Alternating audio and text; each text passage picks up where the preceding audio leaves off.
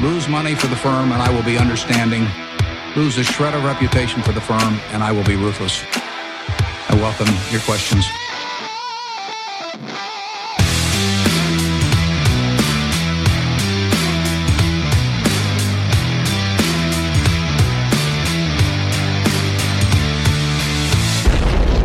Hej och hjärtligt välkomna till Kvalitetsaktiepodden. Det är jag som är Ola.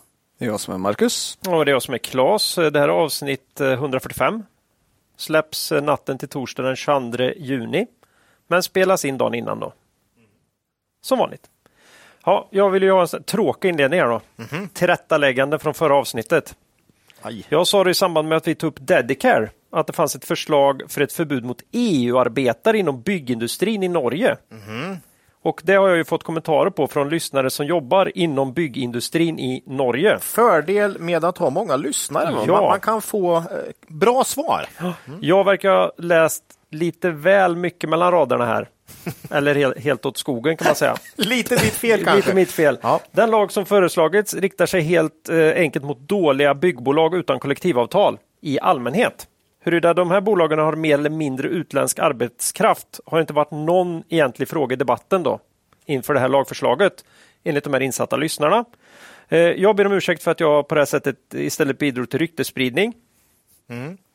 Ja, det det var inte det här som var min poäng. Min poäng var ju att det här förslaget fanns och att jag vill få fram det faktum att vårdbemanning inte omfattas. Ja. I vart fall inte i dagsläget.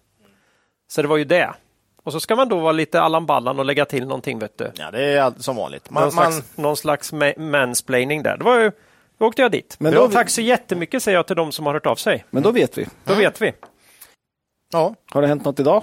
Har det hänt något? Ja, det var handelsstopp förut idag. Var det handelsstopp? Ja, Ja, var det inte så att det här eventet som du har väntat på, I Humana? Humana, ja. eh, faktiskt blev, det hände idag. Det hände idag. Eller, själva eventet var ju att staten gick in och, och bara stoppade dem. Mm. Och sen trodde jag att det här skulle så att säga rätta till sig. Men det- idag blev det så att säga ett nytt event när domen kom då, första Mm. instans. Ja. Där man sa att nej, så här kanske man inte riktigt får göra.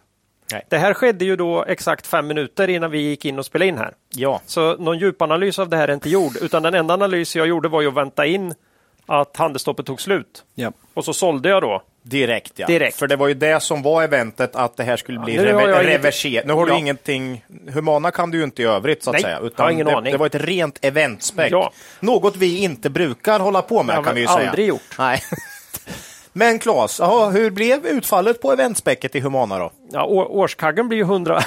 Årskaggen blir 100 procent. 45 procent upp här på knappt sex månader då. Ja, ja, ja. Och då- Inte dåligt. Jag tror att jag låg lite back någon gång. Kan ha nämnt det i podden. Ja, ja. ja, har du hängt i bra där. Bra. Claes, Ja. bra. Ja. Det är viktigt att inte sälja förrän eventet så att säga eh, har spelat ut va? Och det här använda pengar som man inte ska till en hjärtoperation är lite viktigt här också. Ja, det var ju inte våldsamt mycket. Nej, det var verkligen inte våldsamt mycket. Nej.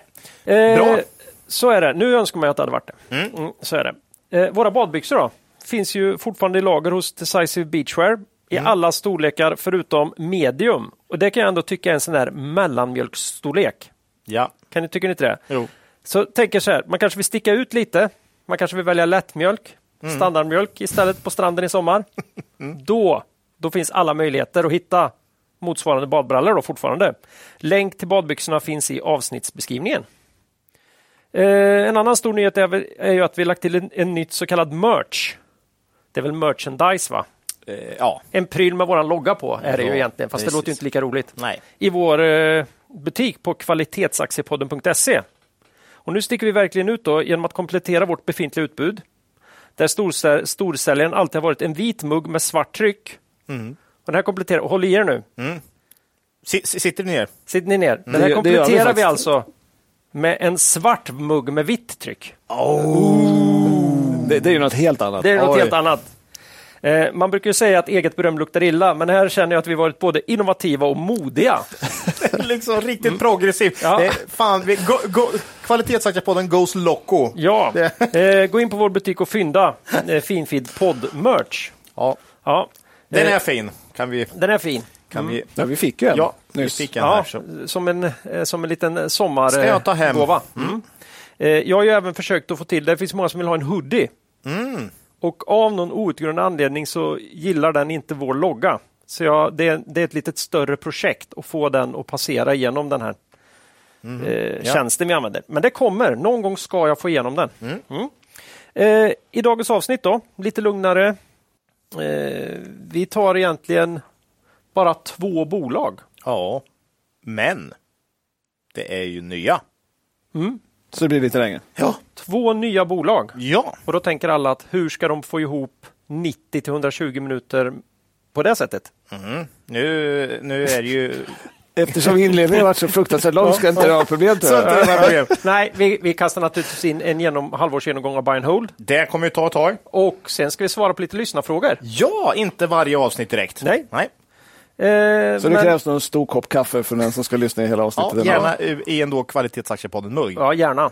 Men innan vi går vidare så känner jag mig nödgad att fråga Ola och Marcus, vad, vad tar ni med er från veckorna som gått sen senast? Eh, ja, skolavslutning får man ju säga. Jag har ju varit borta en del eh, av de senaste här eh, när min son har tagit eh, slutat skolan. Men nu var jag med och vi var klassföräldrar faktiskt och fick ju den här Fixa present eller? Fixa presentansvaret. Kul. Och för 500 kronor faktiskt fick vi ett ganska brutalt blomsterarrangemang får jag säga. Så ingen inflation i södra Östergötland i- hos en liten blomsterhandlare skulle jag säga. Nej. Nej, utan det var så att jag fick hjälpa fröknarna att bära till bilen. Det är Så, så tungt var det. Mm. Mycket jord i och för sig, billigt. Eh, annars så är det ju midsommar nu man ser Ja. fram emot. Va? Och här kan jag ju nog säga att i år, vi firar ju alltid midsommar hos några goda vänner på landet. Eh, många år i rad, alltid lika trevligt. En salig blandning människor med alla möjliga yrken. Varav kanske någon eller ett par eh, har något som helst intresse för aktier. Och då bara såklart som eh, någon fritids... Ni förstår. En, ett normalt, eh, en, en normal samling människor. Liksom. Genomsnitt av Sverige. Genomsnitt av Sverige, ja. Eh, och enligt nu Peter Lynch, jag vet inte om alla känner till det här, va? men Peter Lynch cocktail theory då, va? som han myntade någon gång 80-90 kanske, så tror jag att jag inte blir festens mittpunkt i år. Nej. Inte för att jag brukar vara det kanske, men något år har jag ju varit där och nosat på, på topplaceringen på festen. va? Ja. För ni kan den här va? Ja, vi, vi gissar att jag kan den. Lite snabbt. I den första fasen då, i den här teorin, så vill ingen på tillställningen prata om aktier. Nej. Nej. När folk frågar Lynch om vad han jobbar med och han säger fondförvaltarna blir det tyst direkt. Folk byter samtalsämne. Och går, och går och pratar med tandläkaren. Ja, precis. Eh, nästa fas, samma party, samma blandning människor då. Eh, ja, lite intresserade, lite diskussion, tar inte slut direkt. Eh, Du vet, det kan ändå sluta kanske med ja, men marknaden är ändå riskfylld. Ja. ja det är den typen av kommentarer. Tredje fasen då, va? Då är Peter Lynch kvällens huvudperson. Eh, och, och jag då. Om det nu skulle vara en sån tid, det är det ju inte just nu då, men folk börjar nu bli intresserade av Lynchs yrke. Och börjar nu fråga om hans aktietips, om han tror om marknaden, börsen och rimligt och sådär. Va? Mm. Fjärde fasen, det såg vi här 2021. Folk samlar sig kring Lynch. Men inte för att höra vad Lynch har att säga, utan vill ge honom aktietips. Eh, och så va. Och när Lynch sen går in då någon vecka efter festen och kollar, ja då har alla de här aktierna rusat upp va. Och han säger, fan synd att man inte köpte lite om det. Och sen, då vet man liksom att börstoppen är nära va. Ja. Det är ju det som är hela grejen. Jag tror inte jag blir eh, festens mittpunkt i år. Så Nej. kan vi säga. För det har varit ganska svagt, framförallt på småbolag. Och det är gärna det som folk vill prata om. De har investerat i något obskyrt. Ja. Och det vet vi hur det har gått sista två åren. Så det blir nog inte mycket snack om aktier i år. Vi har ju fått lite frågor om Nvidia och Microsoft från närstående här i, Ja, på senaste. Så att det finns några, några grejer är väl fortfarande... och storbolagen. Vi kommer snacka mycket, eller en hel del om småbolag kontra storbolag idag. Så där kan vi vänta med det snacket. Men eh, ja, jag ser fram emot midsommar. Ja, Eh, Sitta lugnt i ett hörn och sippa på en eh, drink. gött. Ja, nej precis. Eh, lite annorlunda. Jag, eh, det har varit mycket metal på slutet. Som var Ja, men det var ju Sweden Rock där. Det var ju kul. Sweden Rock Festival, vad kul. Ja, Sweden Rock Festival. Maiden var ju jättebra. Bruce Dickinson, fullblodsproffs liksom. Eh, Pantera var väldigt kul tycker jag. Håller med. Eh, det var ett av banden som jag aldrig har sett. Eh, kunna pricka av dem är kul. Ja. Eh, största överraskningen Avatar. eh, Som jag inte har lyssnat någonting på. Mm, gjorde en jättebra spelning. Har de Göteborg, tagit det tror jag. namnet efter filmen här? Eller? Nej. Nej, nej, jag tror inte de tog efter filmen. Nej. Nej, men, eh, framförallt för att de, de var fantastiskt glada på scen. Bra. Och som smittar av sig på publiken. ja. Då blir man ju glad själv. Ja. Och så lite scenshow på det. Så det var kul. Eh, bästa överraskningen tycker jag. Kul. Så.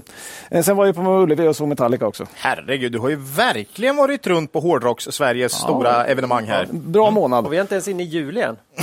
Nej, men det blir inte så mycket sen. Det var nu det var, nu det var bråttom. Går ut hårt och sen... Men eh, nej, deras musik är fantastisk live alltså. Eh, Ja. Herregud. Harvest over Sorrow. Oh. Riktigt bra låt. Underskattad.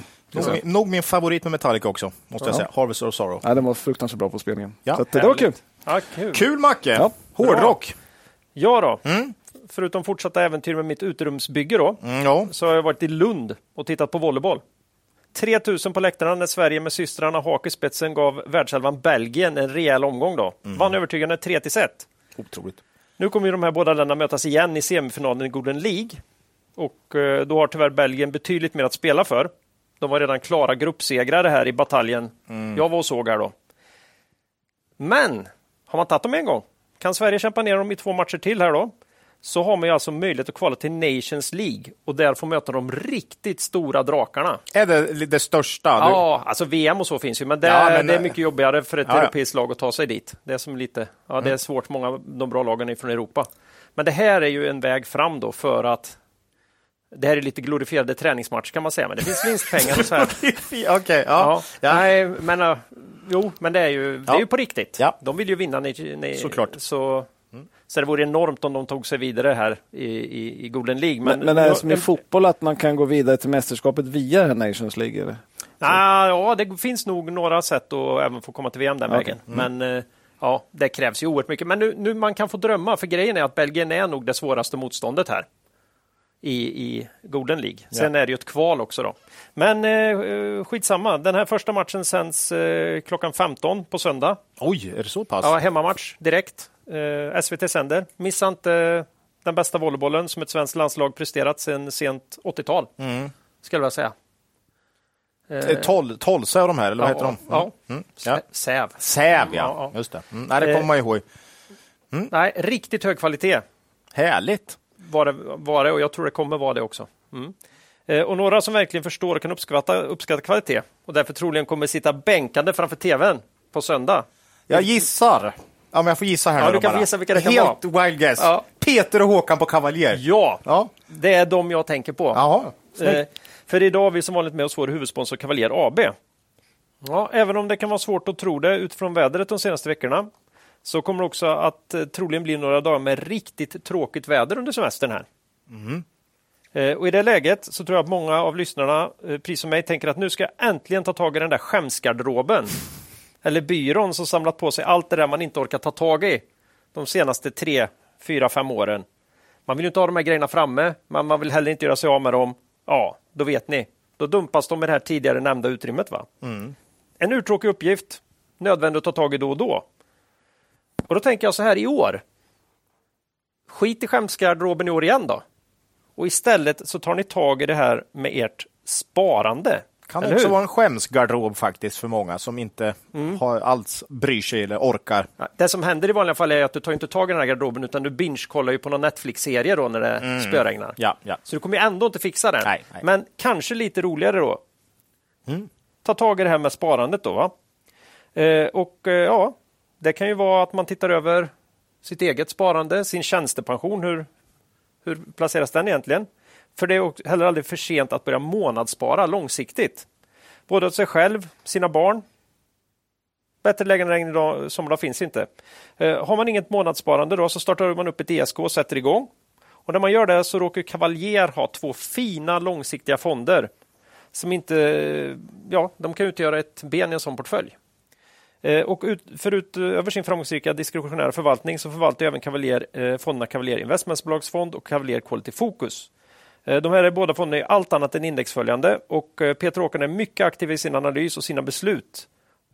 Men samtidigt långsiktiga i sin filosofi. Så man kan nog med fog säga att de med bravur anammar den här fiktiva avvakta-knappen. Det vet vi att vi har pratat om mycket. Som vi verkligen hoppas eh, ska finnas på riktigt i framtiden. Där, där vi är och handlar. va? Alltså en liten knapp mellan sälj och köpknappen. Man är aktiv, men man väljer att avvakta. Och eh, att avvakta i kvalitet, kvalitetsbolag, det är Håkan och Peter experter på. Mm. Och det kan vara precis lika framgångsrikt eh, som, som andra strategier.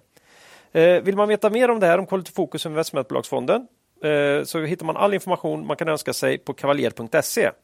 Och köpa in sig i fonderna kan man enkelt göra hos bland annat Nordnet, Avanza och Saver. Och när vi pratar om fonder är det också viktigt att komma ihåg att historisk avkastning i fonder inte behöver vara en indikator på framtida avkastning och att ni kan förlora delar av ert satsade kapital då fonder både kan gå upp och ner i värde. Ja, Peter Håkan vill också passa på att önska alla våra lyssnare ett eh, härligt midsommarfirande, en skön sommar och en trevlig semester. Ja, tack säger vi till vår huvudsponsor Cavalier AB. Eh, vi vill också tacka vår äldsta samarbetspartner Börsdata. Samarbetspartner, ja. Och eh, värdeinvesterarnas bästa vän. Ja, eh, är man inte medlem hos Börsdata än så tycker vi att man ska bli det. Och här hittar man allt man behöver veta på borsdata.se. Mm. Jag kom på mig själv idag med att jag, jag undrar vad vi har sagt i tidigare avsnitt. Mm. Istället för att leta på manuset så gick jag in på Börsdata istället och letade på, på bolaget. Det är lite läskigt när, mm. när det går snabbare på Börsdata än i våra egna. Ja. ja det är härligt. Mm. Men det är ju så. Mm. Eh, men det finns en kul nyhet där nu då. Uh, och den får ju en lyssnare av den här podden inte missa. George Gänget har introducerat en ny kategori under strategier som heter profiler. Mm. Och än så länge finns det bara två screeners från oss då. Där. Så nu skulle kategorin istället kunna heta storfiler. nej, nej. nej. nej. Hur som helst finns det uh, screenersna där och där finns då Klas omvända momentumstrategi. Omvänd momentum, okej. Okay. Ja, och den här kan man använda för att hitta fallande knivar då. Ja, det, vill, det, vill, man ju ha. Det har vi nämnt någon gång i podden. Den bör hanteras med stor varsamhet. Idén är väl att kanske någon av dem där inte är just en fallande ja. kniv. Då. Ja. Men, det... ännu viktigare, mm. där finns ju också vår basscreener med mm. sju enkla nyckeltal eh, med filter. Eh, det är sorterat efter lägsta, lägsta till högsta PE. Mm. Det är ju inte en chock för någon. Nej. Nej. Eh, och svårare än så är det inte att hitta bolag att analysera vidare. Och eh, jag tycker det är en kul grej med den här screenern. Vi har ju använt den i hur många år som helst. Så det är kul att dela med sig av den på det här sättet. Det är ju att ibland från tid till annan dyker det upp väldigt få bolag. Mm. Och det har nog utan undantag visat sig att det här, när man då kan titta bakåt, att det här har varit tider då börsen har varit ganska dyr. Ja, mm. så kan man säga. Eh, och det, det, är ju lite kul, så bara det, det kan man ha den till. Ja. Mm. Eh, vi kommer återkomma till den här screenen under frågeavsnittet senare i podden. Men eh, gå in på Börsdata under strategier och profiler så hittar man eh, Kvalitetsaktiepoddens screeners där. Kul. Kanske kommer ytterligare någon ja, ja. längre fram. Mm. Tack säger vi till Börsdata. Eh, innan vi går vidare i avsnittet vill vi påminna våra lyssnare om att aktieinvestering alltid innebär ett stort risktagande. Aktier kan både gå upp och ner i värde. Satsa därför aldrig kapital på aktier som du inte är beredd att förlora. Det vi säger på den ska aldrig betraktas som köp eller säljrekommendationer. Gör alltid din egen analys av bolagen innan eventuell handel. Så. Så är det. Mm. Ja, då är det väl aktuellt då. Men vi har ju redan haft Humana-grejen så det kan väl omöjligt finnas något mer. Så, så, vi, så vi, hoppar över hela ja. avsnittet? Ja. ja. Ja. nej, det gör vi inte. Eh, nej, men jag kollade upp eh, sen förra gången. Då. Eh, minus 2 procent den här gången. Mm. Mm. Så eh, även storbolagen har fått lite stryk? Ja, OMXSPI 2 procent ner. Mm. Men det är mest de senaste dagarna ja. som det var svagt. Mm. Ja. Innan var det ganska oförändrat. Då, så att säga. Eh, men vi, vi gjorde ju som du eh, syftar lite på där. Vi, vi, gjorde en liten koll bakåt, ett år i tiden. För, för känslan är ju det här mellan stora och små bolag, att det har varit väldigt eh, spritt. Eh, och tittar man ett år tillbaka så har OMX S30, då, absolut största bolagen, mm. 19,5 procent upp. Mm. Nästan 20 procent upp ja. på 12 månader. Alltså, de senaste 12 månaderna. Det är, det är starkt. Det är, det är väldigt bra. bra. Mm. Large cap då, mm. vi plockar ju med lite fler bolag, inte bara de absolut största. Thule antar jag, lite sånt? Ja, lite mm. sånt. Lite andra. Ja. Plus 12,5. Mm. Ja, fortfarande Men bra. ändå långt ifrån 20. Ja, 7 procent mm. sämre. Liksom. Ja, det är mycket alltså. Och så går vi ner på midcap. Ja. Minus 1,6. Ja, det är hiskelig skillnad. Ja, vi är på minus. Och sen small cap, small cap minus 10,7. 30 procentenheter från, från OMX S30 och ja. ner till, till small cap. Helt otroligt. På ett år. Det, det märks ju tycker jag. Eh, det är ju känslan man har också. Vi blev lite överraskade på riktigt faktiskt när vi tittade upp det. Ja. Känslan har ju varit att det sett ut så här, men ja. att det var så pass extremt. Nej, extremt. Eh, för börsen som helhet har ju inte gått så svagt helt enkelt. Den har ju gått bra. Nej, men det är ju för att de stora har varit ja. starka. Så att säga. Ja, frågan är vad som händer framåt då. Det är väl tusen kronors frågan då. Men, eh... Det är ju lite lurigt där. Vi handlar ju inte i de absolut största bolagen. Nej, så, så, det... vi har ju fått kämpa med där snittet har varit väldigt svagt då, ja. kan man säga. Men, men, eh, samtidigt så är det ju bättre att köpa något som är billigt. Det har jag ändå tappat då. Så att, eh, men du är lite inne på din cocktailteori också. Ja, de som småbolag, eh, storbolagsinvesterarna, de ja, kanske, de kanske kommer liksom. fram ändå. Så ja. jag kanske får någon att prata med, vem vet? Mm. Nej, men liksom, om man tar det här på lång sikt så har det visat sig att eh, mindre bolag och midcap sånt har gått bäst eh, över en lång period. Ja, ja. men i perioder kan det Men period, uppenbarligen nu så kan det skilja sig väldigt, väldigt mycket. Herregud. Ja, det, det, där, det där kan säkert alla känna igen som investerar i small och mid i alla fall. Ja. Att, att man, det är tufft att slå index nu. Vi får väl se lite grann, men, men själv när jag ser sån statistik på totalen så, mm. så blir man mer sugen än rädd. Ja, håller med. Sen kan det bli så att börsen som, som helhet går ner nu då, för storbolagen har ju bevisligen gått bra. Så då kanske de eh, börjar tappa och då lär de ju dra med sig det övriga med. För ja. liksom, risknivån brukar gå ner och då drabbar det alltid småbolagen. Så att det kan, finns, eh, finns ju en risk, eller chans, eh, att man kan få köpa ännu billigare. Men, men på lite lång sikt ja, så ja. känns det ganska positivt. Mycket positivt. Ja. Och, och, den här screenen gav väl ganska många Ja, det börjar bli väldigt många bolag nu i screenen. Mm. Alltså. Och det är ju små, small mid. Mm. Ja. Alltså det är lite kul. Eh, kul. Sen, sen, får vi se, nu är det snart Q2-rapport också. Då brukar börsen bli lite mer företagsnyhetsstyrd. Ja. Nej, men det var intressant spaning. Ja. Ja, sen har vi vid några tillfällen tagit upp det faktum att vi tycker att marknaden är ganska irrationell på kort sikt. Eh, ett sådant exempel är att aktier går upp när de gör en split. Mm. har vi tagit upp någon gång. Split innebär att man delar upp värdet på aktien, eh, värdet på, på flera aktier helt enkelt. Påverkar egentligen inte värderingen. Men historiskt har man ofta sett att det har gjort det ändå. Så att säga. Ja, nu får vi lägga till ofta då, går upp. Mm. Ja, precis. Ofta. Mm. Nej, men oftast då. Eh, och troligtvis beror det på att mindre erfarna investerare tycker att aktien ser billig ut. Den handlas i lägre nominellt tal. Då. Och sen finns det säkert en massa traders som köper in sig just för att man kan utnyttja den här anomalin. Då, så att säga. Mm. Men hur som helst så gjorde New Wave då, split 2 till 1 den 12 juni. Mm. Fördubbla antal aktier, kursen föll, ska falla till hälften. Då. Eh, öppna upp en del men föll under dagen med 0,2 procent. Okay. Det är ovanligt. Mm. Eh, och då kan man ju fråga sig, är det så att sentimentet är svagt eller är marknaden mer rationell nu? ja, vad kan det vara? Ja, jag siktar på det första. Jag med. Jag, med. Eh, jag, jag tror inte marknaden är så mycket mer rationell. Nej. En fortsättning på trenden som vi talade om. Vi får se hur länge det varar, men vi blir lite överraskade ändå. Ja. Ehm, det är någon stor som tycker att man ska sälja New Wave helt ja, enkelt. Så är det. Ehm, ja, vi får se hur länge det håller i sig. Ja. Till Torsten köper igen kanske. Ehm, ja, vi har flera gånger pratat om Betsson. Då. Mm. Sagt att vi väntar på att de ska göra förvärv. Mm. Den 15 juni kom så förvärvet av den belgiska sport, äh, speloperatören Betfirst. De har då licens för sport och tärningsspel i Belgien. För online. Kör de tärning i Belgien? Alltså? Okay. Ja, tydligen. Mm. Online-tärning. Liksom. Snyggt, det låter ju kul. Alltså. Det får man klicka på. Craps och så kanske. Mm.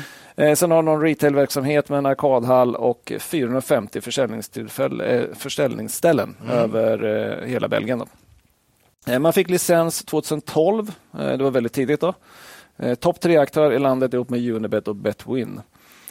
Man betalade 120 miljoner euro Eh, betalning likvida medel. Man hade ju nettokassa på 104,5 miljoner euro. Så går till lite nettoskuld mm. igen. Men man har ju så starka kassaflöden så ja. det är snart nettokassa igen. Då. Mm. Eh, på rullande 12 har Betsson själv en ebitda-marginal på 23,3 och man sa att Betfirst hade 19,5. Lite läge. Lite, Lite läge. Mm. Eh, dock så var den justerad och det sa de inte vad den var justerad för. Nej, klassiskt. Jag gillar inte riktigt. Nej. Eh, Betsson värderas då till PS 1,7. Man betalar 2,34. Så betalar lite mer för något som är lite mindre lönsamt. Mm. Um, men Betsson är så lågt rätt själv så det är lite svårt att köpa till lägre multiplar. Mm, precis. Sen är det ofta dyrare att köpa reglerad marknad och sport. Ja. Så jag vet, vi tycker väl det här var ett ganska okej pris. Ja, jag tycker det känns och, och svårt att komma in i Belgien känns som om man inte är inte den ganska låst? Jo, det var en topp tre-aktör man köpte. Ja, så att, så att det, man måste nog betala lite för att och den ska ju vara lönsam för Kindred där för mig. Ja, Kindred sa ju på sin kapitalmarknadsdag det här var en av de absolut lönsammaste marknaderna för dem. Ja. Så, så, att det verkar som om man är stor där så kan man nog tjäna lite pengar mm, ändå. Bra. Eh, man, man, sa här i pressmeddelandet också att eh, man betalar tio gånger eh, estimerad ebitda för 2023. Eh, det skulle innebära då 11,5 procents tillväxt ungefär i, vinst. Okej, okay, bra. Eh, att, eh, och sen till affären hör jag också att man köp, gjorde ett strategiskt partnerskap med börsnoterade franska kasinooperatören Group Petouche. Petouche, ja, ja visst, det låter ja, bra. Petouche. Petouche. Eh, man ska erbjuda online-casino eh, på reglerad marknad. Då. Och de här driver då landbaserade kasinon i Frankrike, Schweiz och har en offline-licens i Belgien då, för kasino. Och den kan då utvidgas till en online-kasinolicens. Mm. Så idén är ju då att hjälp med det här samarbetet få en kasinolicens och så kan man ha, eh, ta in det i Betfirst då, som har Snyggt, sport ja. och tärning. Och då får man ett fullständigt kasino på nätet. Då, så att säga. Ja. Och då kanske man kan stärka ställningen ännu lite mer då, eh, på marknaden. Så att säga. Vettig strategi. Eh, vi tycker det är positivt att man sätter kassan i spel, köper någonting och igen då så tar man pengarna från Turkiet och flyttar till andra marknader. I något annat ja. istället. Mm. Och Då kan man diskutera hur, vilken multipel man ska sätta. I Nej, men just eftersom att eh, marknaden sätter så väldigt låg multipel på Turkiet och då blir det ju svårt att säga PS och PE på Betsson och jämföra för att skulle det bara vara reglerat då skulle förmodligen Betsson ha mycket högre multipel. Absolut. Så att då, nu gör man ju det. Mm. Så att jag, jag, jag, jag, tycker den, jag tyckte det här kändes vettigt faktiskt. Jag, jag, jag tror på det här. Eh, marknaden handlade upp det här 3,5 procent först, men sen slutade den 1,2 procent ner. Ja. Eh, så vi får väl se vad... Man ska gärna ha lite mer information om Betfirst, men det kommer väl vid Q2-rapporten. Det kommer komma massa förvärv då, eller massa frågor. Då. Men jag tror aktien stod i 109 innan vi gick in ungefär och då är det kanske lite då är den lite upp sen. Den har gått upp lite senaste lite sen förvärvet i alla fall och börsen har varit svag så lite, lite bättre i alla fall. Jo, men så är det. Ja. 5 eh, juli slutförs förvärvet så att det kommer ju först med Q3 då, siffrorna. Mm. Spännande. Vi äger aktier Betsson. Vi köpte efter förvärvet nu tillbaka aktien som vi skalar runt 120. Ja. Eh, för vi tyckte att det var intressant. Och som sagt, fler marknader tar ner politiska risken lite grann också. Det gillar vi. Ja. Så vi får se sen om det blir mer Latinamerika, men vi tyckte att det här var ett bra alternativ.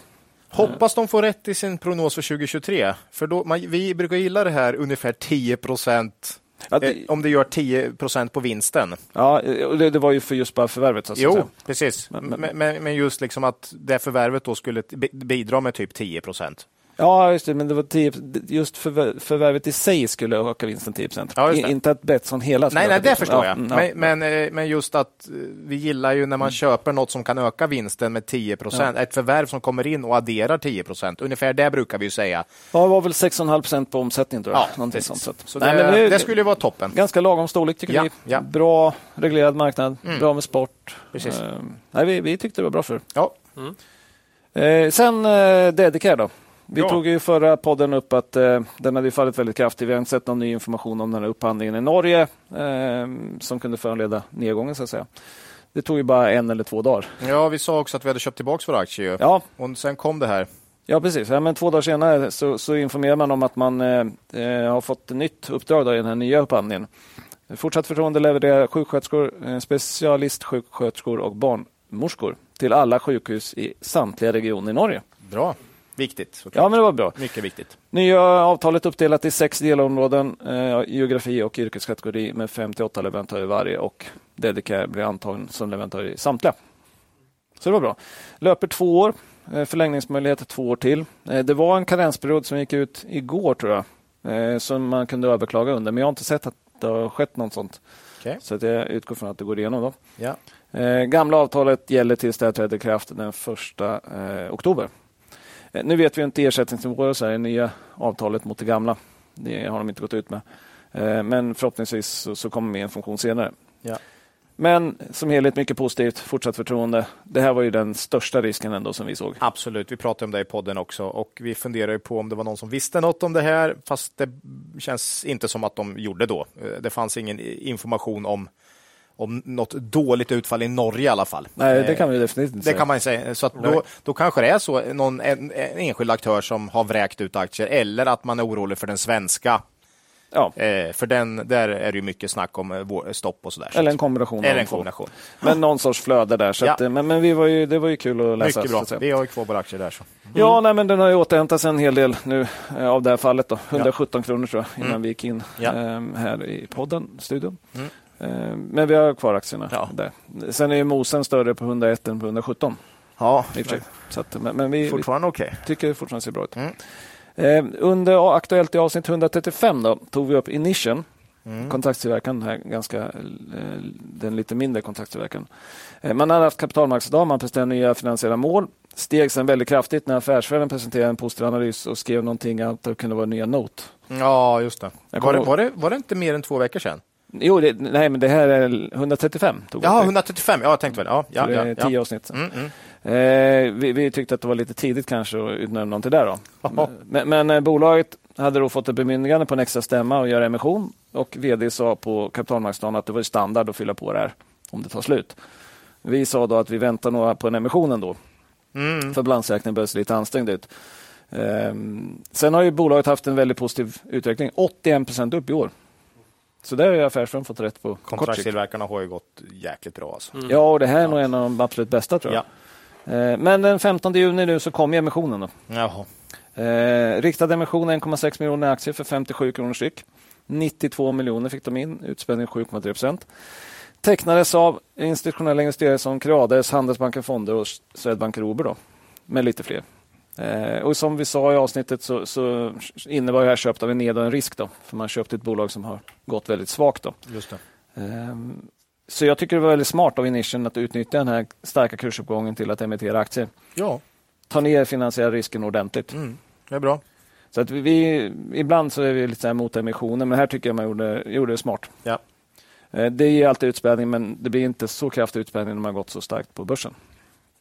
Så det är intressant. Vi får följa nischen framåt. Eh, jag tycker att läget ser bättre ut nu när man stökar upp finanserna här också. Eh, men vi, vi har inga aktier i nuläget. Nej. Men det är en intressant bransch så att säga. En lite kortis om AK och ACQ Bure SPAC. Då. Vi tog upp dem i en tidigare podd när man köpte Yubico. Vi sa att vi sålde aktierna direkt. Sen har kursen fallit tillbaka lite grann. 30 juni då, hade man stämma, godkände affären. Lite intressant då var att 74 147 aktier röstade emot. De det... ville inte att man skulle göra det här? Nej, det är 0,2 procent av aktierna i bolaget. Så det var inte jättemycket. De sa ifrån på skarpen kan man nu säga. jäklar! Ja. Mm, ger, nu ger ni er. Nu, nu blir det inget. Nej, men, hela idén är att du måste rösta nej om du vill kunna få lösa in aktierna. Det var ju det vi har pratat om här. Exakt. Och det var lite det som gjorde att man kan se det som en likviditetsplacering om man nu inte ja, med, med ändå ett, tänkbart positivt utfall, men du kan ändå få tillbaka pengarna ungefär. Och, och det var det här som varit i diskussionen, liksom, hur många kommer i sådana fall rösta nej? Kan ja. alla få lösa in? Och så mm. Ja. Nu visar det sig i första exemplet där det faktiskt har eh, gått på riktigt, tror jag. Mm. Eh, att, att eh, det var inte så många som ville lösa in, men, men, de som ville kunde få. Ja. Så 7,3 miljoner kommer skickas tillbaka, 98,05 eh, kronor. Då. Och jag hade nog inte vi hade nog inte köpt på 98 Nej. Eh, utan vi var ju snarare 95, när man har lite marginal upp till ja. 100. Liksom. Eh, så att, ja. Sen sa man inte hur man räknade ut det, man hade 98,50 som är kapital i Q1-rapporten och det är i princip bara kassa och räntebärande placeringar. Så att jag tycker att det är lite konstigt att det blev man lägre. Man skinnar dem på 45 öre? Jag alltså. vet inte. Okay. Mm. Alltså, lite konstigt är det. Eh, tycker jag. Ah, ja, skitsamma, nu, ja. nu har vi i alla fall fått sett att liksom, hur, hur, systemet ska funka. Ja. Så att säga. Mm. Vi har kvar våra aktier i Creades back då, ja. som en del i Och likadant om, om Creades SPAC skulle göra ett förvärv så tror jag ju att de stora är ju ändå informerade innan. Ja. Så de kommer ju tacka, säga ja såklart. Är det, liksom. Så det blir ju ett gäng småsparare eller någon som ja, inte har med själva drivandet av bolaget att göra som säger nej. Ja, men typ så. Så vi, vi, tycker inte att risken nej. är så hög nej. som vissa Precis. kanske säger så. Ja, eh, slutligen då, eh, lite dagens ris till aktiespararna. Mm. Eh, och då vill jag först säga att jag har en positiv grundinställning till aktiespararna. Eh, eh, kämpa för de småspararna. Ja, men så är det ju. Det är de deras ja, uttalade det. roll. Liksom. Ja, eh, och jag har varit medlem som barnsben. Mm. Mm. Jo, nej, men de, ja, viktig, viktig roll, bevaka Stä, småspararnas intressen. Ställer jobbiga frågor på årsstämmor. Och, ja. Mm. och historiskt tycker jag man har gjort jättebra jobb med liksom, ifrågasätta ja. beslutsfattare. Och så mm, mm. Eh, men, men, på slutet har det börjat dyka upp en del saker som jag inte riktigt gillar. Mm. Eh, det gäller dels när uppdragsanalyser en del, mm. som är extremt positiva, lite för positiva. Eh, för bolag med ganska hög risk. Eh, men framför allt, jag fick en inbjudan till småbolagsdagarna i Stockholm. 21 bolag ska hålla presentationer i Aktiespararnas regi. Då. Mm. Eh, kolla igenom listan och det förefaller vara bolag av ganska tveksam kvalitet rätt mycket, tycker jag. Mm. Kollade upp kursutvecklingen då för de 19 av de här 21 som är noterade. Det var två onoterade bolag också. Fem har haft en positiv kursutveckling senaste året. Ja. Medelutveckling minus 25. median minus 41 procent på ett års sikt. På de 21? Nej, på de 19 som var noterade. På de 19? Oj. Det finns något som heter Allsecure som är upp 143 procent, så det drar upp medlet lite grann. Mm. Men, men sagt, OMXPI, då, det breda indexet, är plus 11. Mm. Sen, sen sa vi nyss att eh, småbolag har gått sämre. Så att minus 10. Riskviljan är ju låg nu. Men minus 41 ja, i median är, är ändå bra. radikalt sämre än minus 10. Liksom. Sen är det väl det var, det var inte jättemånga eh, riktigt bra vinstdrivande bolag. Som, alltså, det, fanns ju inga, det var ju mycket förhoppningsbolag så att säga. Det var just det som var poängen. Ja, precis. Så, så. det, det är tveksamt tycker jag att Aktiespararnas medlemmar som grupp tjänar på att liksom få de här bolagen presenterade för sig? Ja, den, den, den är ju tveksam. Det är, ja, det är väldigt eh, svag uppställning på bolag. Ja, jag tror det är nog en hundraprocentig sannolikhet för att om man likviktar en portfölj av de här bolagen ja. så kommer man förlora pengar på sikt. Ja, jag tror det garanterat går sämre än index över några år. Och ännu mer garanterat kommer man behöva vara med i nyemissioner. ja, det kan, det kan man lova. Det, det, är 100 procent. Det är 100 procent säkert. Nej, men så, så jag vet inte riktigt. Jag tycker att aktiespararna ska vara lite försiktiga med att använda sitt goda namn för den här typen av liksom, ja. Eh, ja, bolagsevenemang med bolag mm. som, som är så pass man ska kämpa för, den, eh, för småspararen. Jo, och det är deras roll. Ja. Och då är jag inte säker på att... Jag vet också att det funkar så att de bolag som vill ha in pengar och så betalar kanske mest. De betalar förmodligen mest. Det är så det brukar vara. Och kommer dit. Men det är inte säkert att det är bästa i långa loppet Nej. ändå. Nej. Eh, så jag tycker aktiespararna ska fundera lite grann på det. Men de är ett vinstdrivande bolag. De försöker säkert tjäna pengar också, men samtidigt om, om det på något sätt går emot deras grund verks, alltså deras, syftet deras med hela syfte, verksamheten. Då mm. blir det ju väldigt jobbigt. Ja, jag tycker det är lite konstigt. Den, då blir det ju en dubbelmoral helt enkelt. Ja. ja så det var det, ja, men det, är väl, det är väl den här klassikern med och det finns ju inget som är så ihärdigt och vägrar att dö som ett organisationsnummer. Liksom.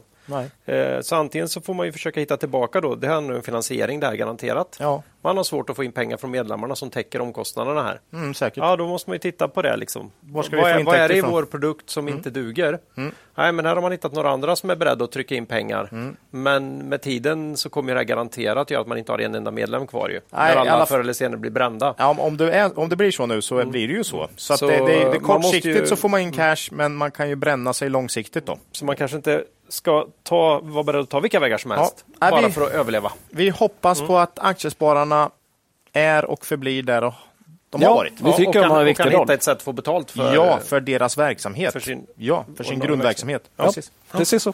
Bra. Så det. det var det. Det var det.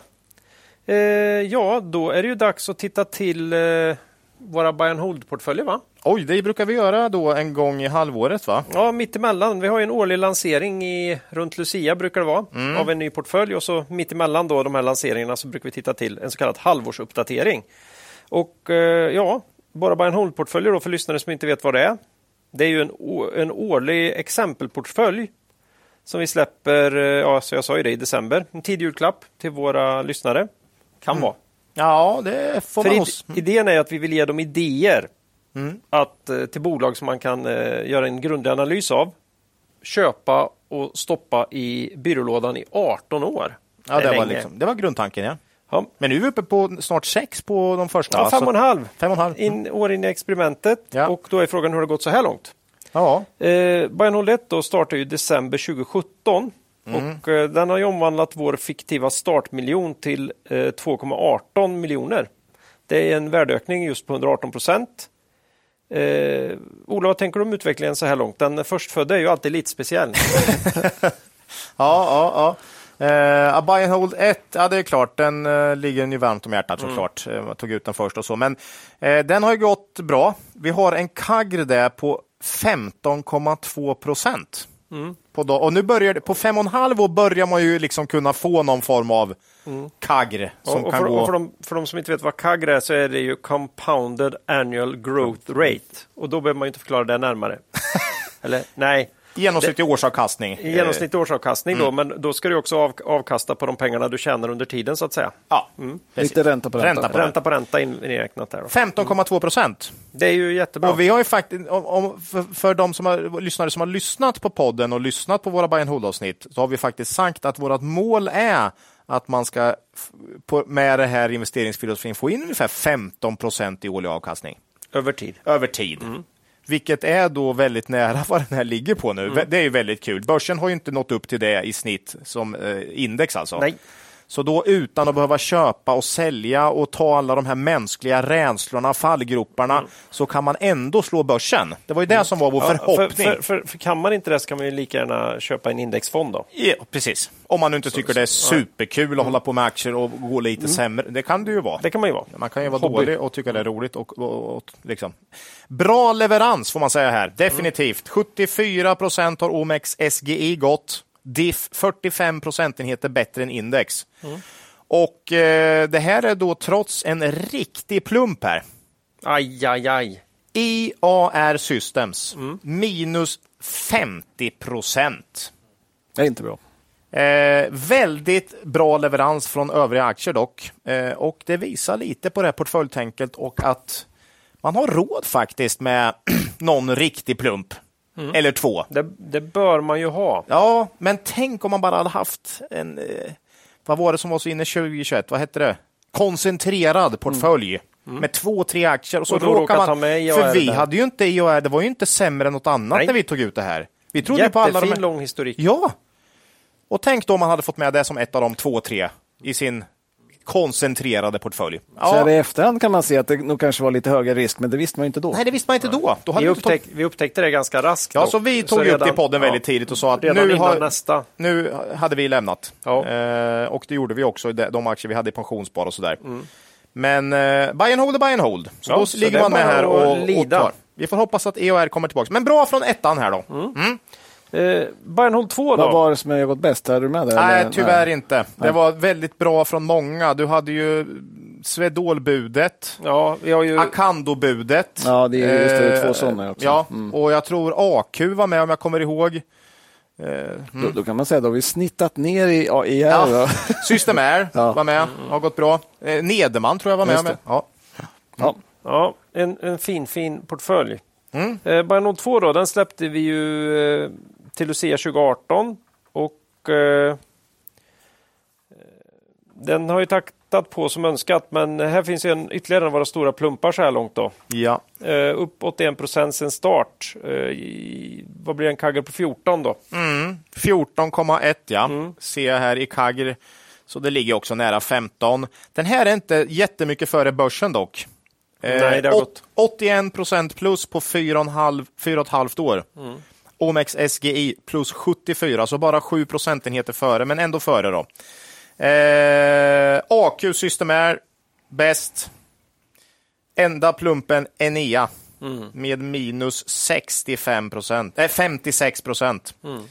Här finns det likheter med EOR Systems måste man ju säga. Det är verksamheter som vi inte riktigt förstår produkterna eller tjänsterna. Det är ju inte som Björn Borg, kläder eller Invidos dörrar och så, vilket man vet. Du vet mm. vad en dörr är. Ja. Vi har väldigt svårt att förklara vad Enias konkurrensfördel är. Ja. Eller vad det är de säljer och vad kan hända.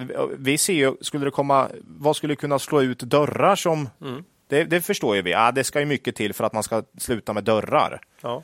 Ett eh, kraftfält istället. Ja, ett kraftfält som man måste slå på. Då lär man ju brännas några gånger om man inte ser det där. Då. Men, men, men liksom, grejen är den att här vet vi ju inte riktigt. Vad är det Nej, nya säljer? Och det har vi ju egentligen aldrig gjort, utan vi har ju tittat på historiken. historiken ja. Mm. Men det är intressant att de två stora plumparna här är väldigt lika. Mm. Nej, men vi sa det, det är ganska kul med sån här lång, ja. långsiktig genomgång och uh, gå tillbaka till historiken, för det gör man inte så ofta. Nej, Mm. Så uh, bra här med. Och här kan vi säga, ni, vi, vi pratade om det för, för ja, ett antal poddar sedan när vi sa att vi sålde vår bevakningspost. Då sa vi att vi fick in en fråga nu. Ja, men nu har det gått ner liksom 20% till eller 25 mm. till. Är ja. ni intresserade nu? Och det är vi inte. Nej. I, inte när det blir så att vi blir osäkra på... Det, det, finns ingen fast mark under bolaget känns det som. Vi vet ju inte vad det är värt alls. Vi, vi känner att vi, det här har vi inte koll på och då har vi liksom accepterat att vi tycker inte vi har koll och då kan vi aldrig köpa igen Nej, förrän vi känner att... Det måste komma typ ett år. Ett år. Fyra, fem bra rapporter i rad eller ja. någonting så man känner fast mark under fötterna ja. igen. Problemet liksom. är att det finns kvar i, i våra i vårat Excel. Va? Ja. Och för mig, eftersom de har ändrat verksamhet så otroligt mycket, det som de en gång tjänade pengar på ägnar de sig inte alls åt Lite så. längre. Så vi kunde lika gärna ta in vilket IT-bolag som helst mm. med, det, med de här siffrorna som Enea visar. Och de skulle vi inte ta i med tång. Skillnaden att, på eh, konsult, IT-konsultbolagen här vi har är ju ändå att ett IT-konsultbolag förstår du vad de tjänar pengar på. Ja. Men här är det lurigt med mjukvara och grejer. Mm. Eh, så att, ja. Så är det. Men, ja. Nej, men så, så det är väl mer där. Vi, vi, eh, vi, kommer nog inte återkomma till NEA på, på ett bra Väldigt tag länge. och vi, det spelar liksom ingen roll att kursen är ner Nej. 25 procent efter vi sålde. Precis. Precis. Men ändå lite före börsen här. Men den var inte, den är, buy and hold 2 är inte jättelångt före. Mm.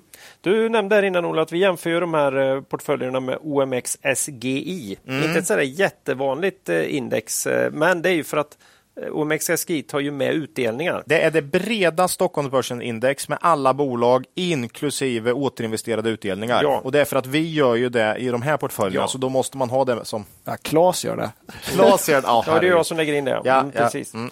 Eh, det är ju intressant då, för att det som hände med vår kära Bayern Hold 3 då. Det var väl sorgebarnet länge va? 20, 2019. Var det inte det? Tuff start. Mm. Och har ju legat efter, har ju legat före börsen. Ja, inte hela tiden, men ganska mycket före börsen. Men efter det här jämförelseindexet då. För, för, den har legat på plus, mm. men inte för index. Nej, den har legat efter det här jämförelseindexet. Ja, ja.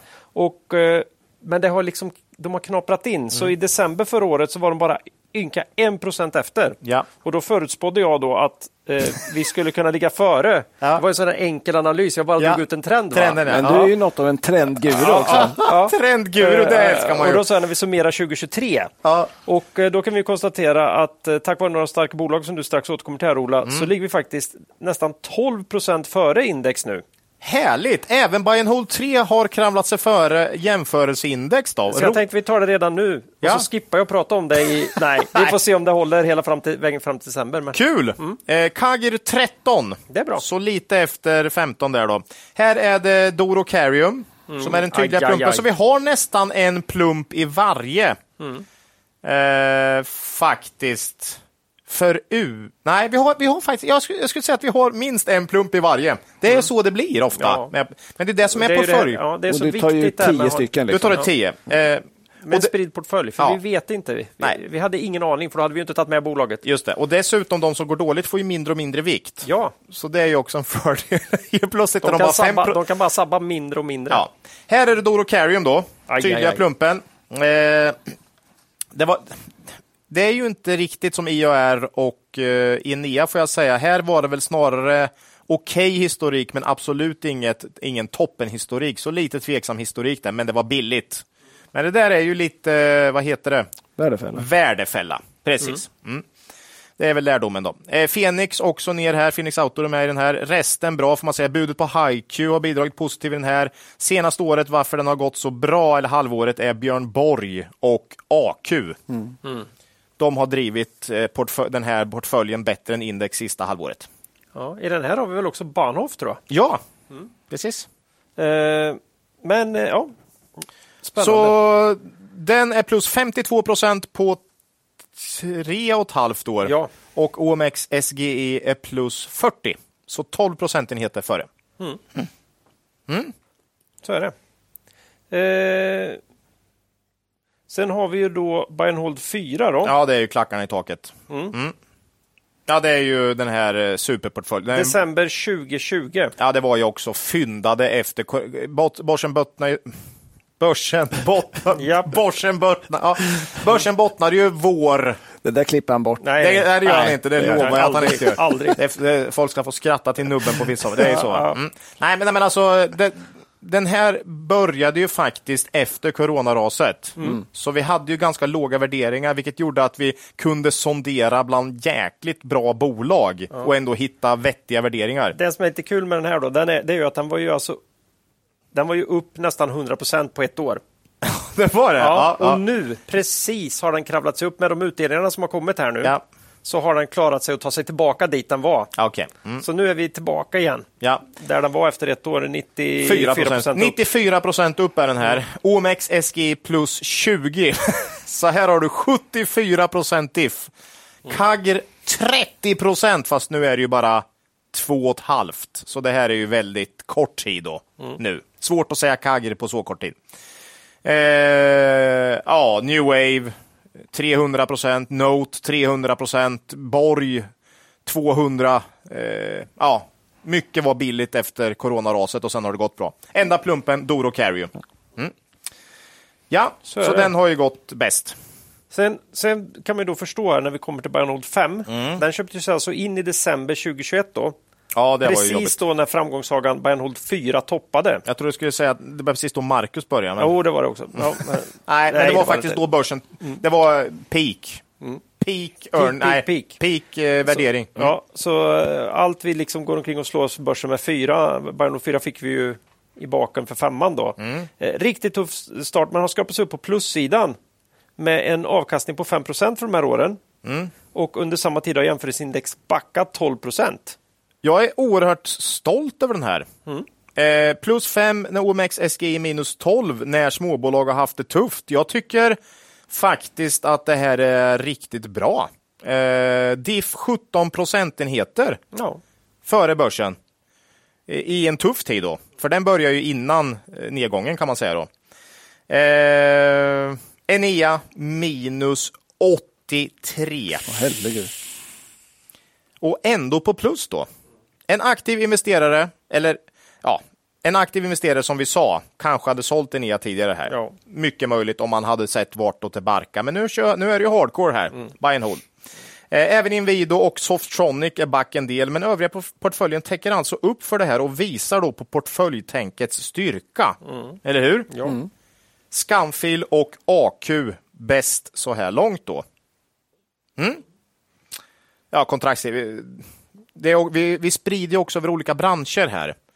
Man ska, man, ja, vi försöker Vi försöker ju, inte all, utan det ska vara en hygglig spridning och ja, nu, nu har liksom kontraktstillverkarna haft en bra tid. Ja, ja då har ju de dragit eh, mest då. Mm. Vi har ju försökt ha en bra spridning, men, men vi är väl framme vid Hold 6 här. Ja. och där verkar vi istället haft idén då att vi ska bara ha bolag som inte varit med innan inom Buy and Hold ja. och det ska börja på B. Ja.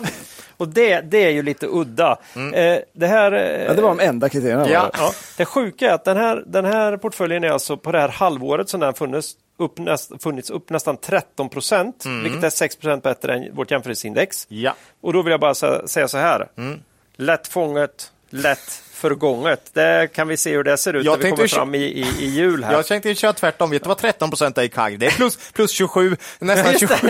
På ett halvår, halvårskagge det. Ja. ja. Eh, nej, men det här är bra start. Här får man ju säga att vi eh, vi tog in ganska stora bolag. Vi har haft 3-4 miljarder i snitt eh, börsvärde på de tidigare portföljerna. Här var vi uppe på 7 8 så vi gick på lite större. Det var ju några lyssnare som påpekade att sluta tramsa, ta det ni tycker är bäst, inte det som ni inte haft och bolag på B. Vad håller ni på med? Ja.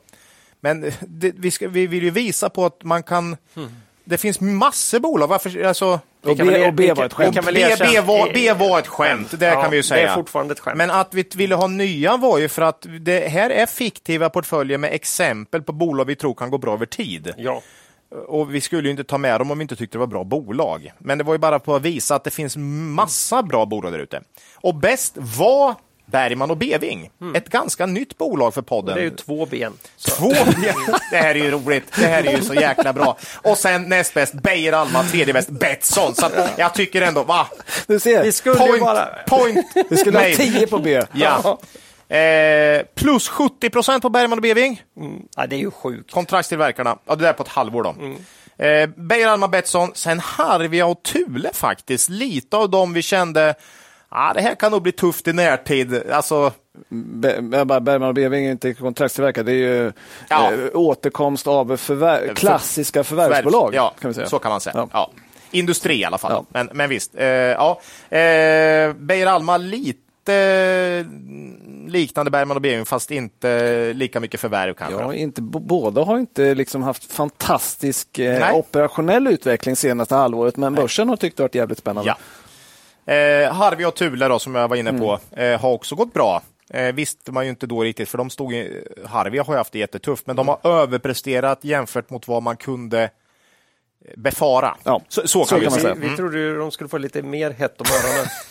eh, ja, nu senast jag hörde var att Japan börjar bli ja. intresserad av eh, att värma sig. Ja, att säga. skapar ju joint venture där, så att de tror på den marknaden.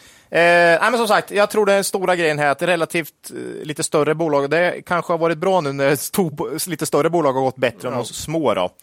Eh, Byggmax. By far sämst. Vi Aj. har en plump, en riktig plump i varje och den är minus 42 på sex månader. Ja. Jag tror att går vi tillbaka och lyssnar på det så säger vi ju att det inte alls är en osannolik utveckling för Nej, aktie. jag, kunde, kort sikt- på kort jag, sikt. jag hade kunnat gissa på att Harvia och Thule skulle vara minus 42 också. När vi tog ut den här. Jag, jag, lite samma Efter ett halvår. Efter ett halvår. Här Lite är- samma för mig, eh, de tre. För det här är ju 18 år. Pandemivinnare, tufft nu, men de är upp. Byggmax ner 42. Men Byggmax har inte gett upp hoppet om Men det är väl lite det här, alltså, som du sa, den som varit längst. Där kan man ju börja kanske liksom, Ja. eh, titta mer på utvecklingen och det här som är ett halvår är mer på skoj. Ja, precis. Men eh, alla sex portföljer före jämförelseindex. Hurra! Hurra! Det är ju kul. Mm. Det är jätteroligt. Ja, Det jobbiga nu, jag inser alltså att när vi tar de här i jul eller i december, Mm. då har en tredjedel gått. Vi tyckte det var så fruktansvärt lång tid vi, när vi tog de här 18 ja, åren. ja, ja, ja. Att det Shit. nästan var lite Ja, fjantigt. det är ju läskigt Ja, alltså. det är otäckt. Mm. Och då tänkte jag inte på Lucia och Nej, kallt och det här, nej. utan då tänkte jag på sex år alltså. Det är, ja. Nej. Men så är det. Ja, Det betyder att vi har kul också när det Ja. går fort va? det hoppas jag. Eh, totalt då, sammanfattning här. Eh, riktigt kul, vi är nöjda. De tidiga portföljerna verkar uppvisa kagger på cirka 15 procent. Eh, portföljtänket blir bara mer tydligt desto mer man tittar på det här tycker jag. För koncentrerade portföljer kan göra riktigt ont. Eh, för vi visste ju inte vilket av de här som skulle bli plumpar. Då hade vi inte tagit med dem såklart.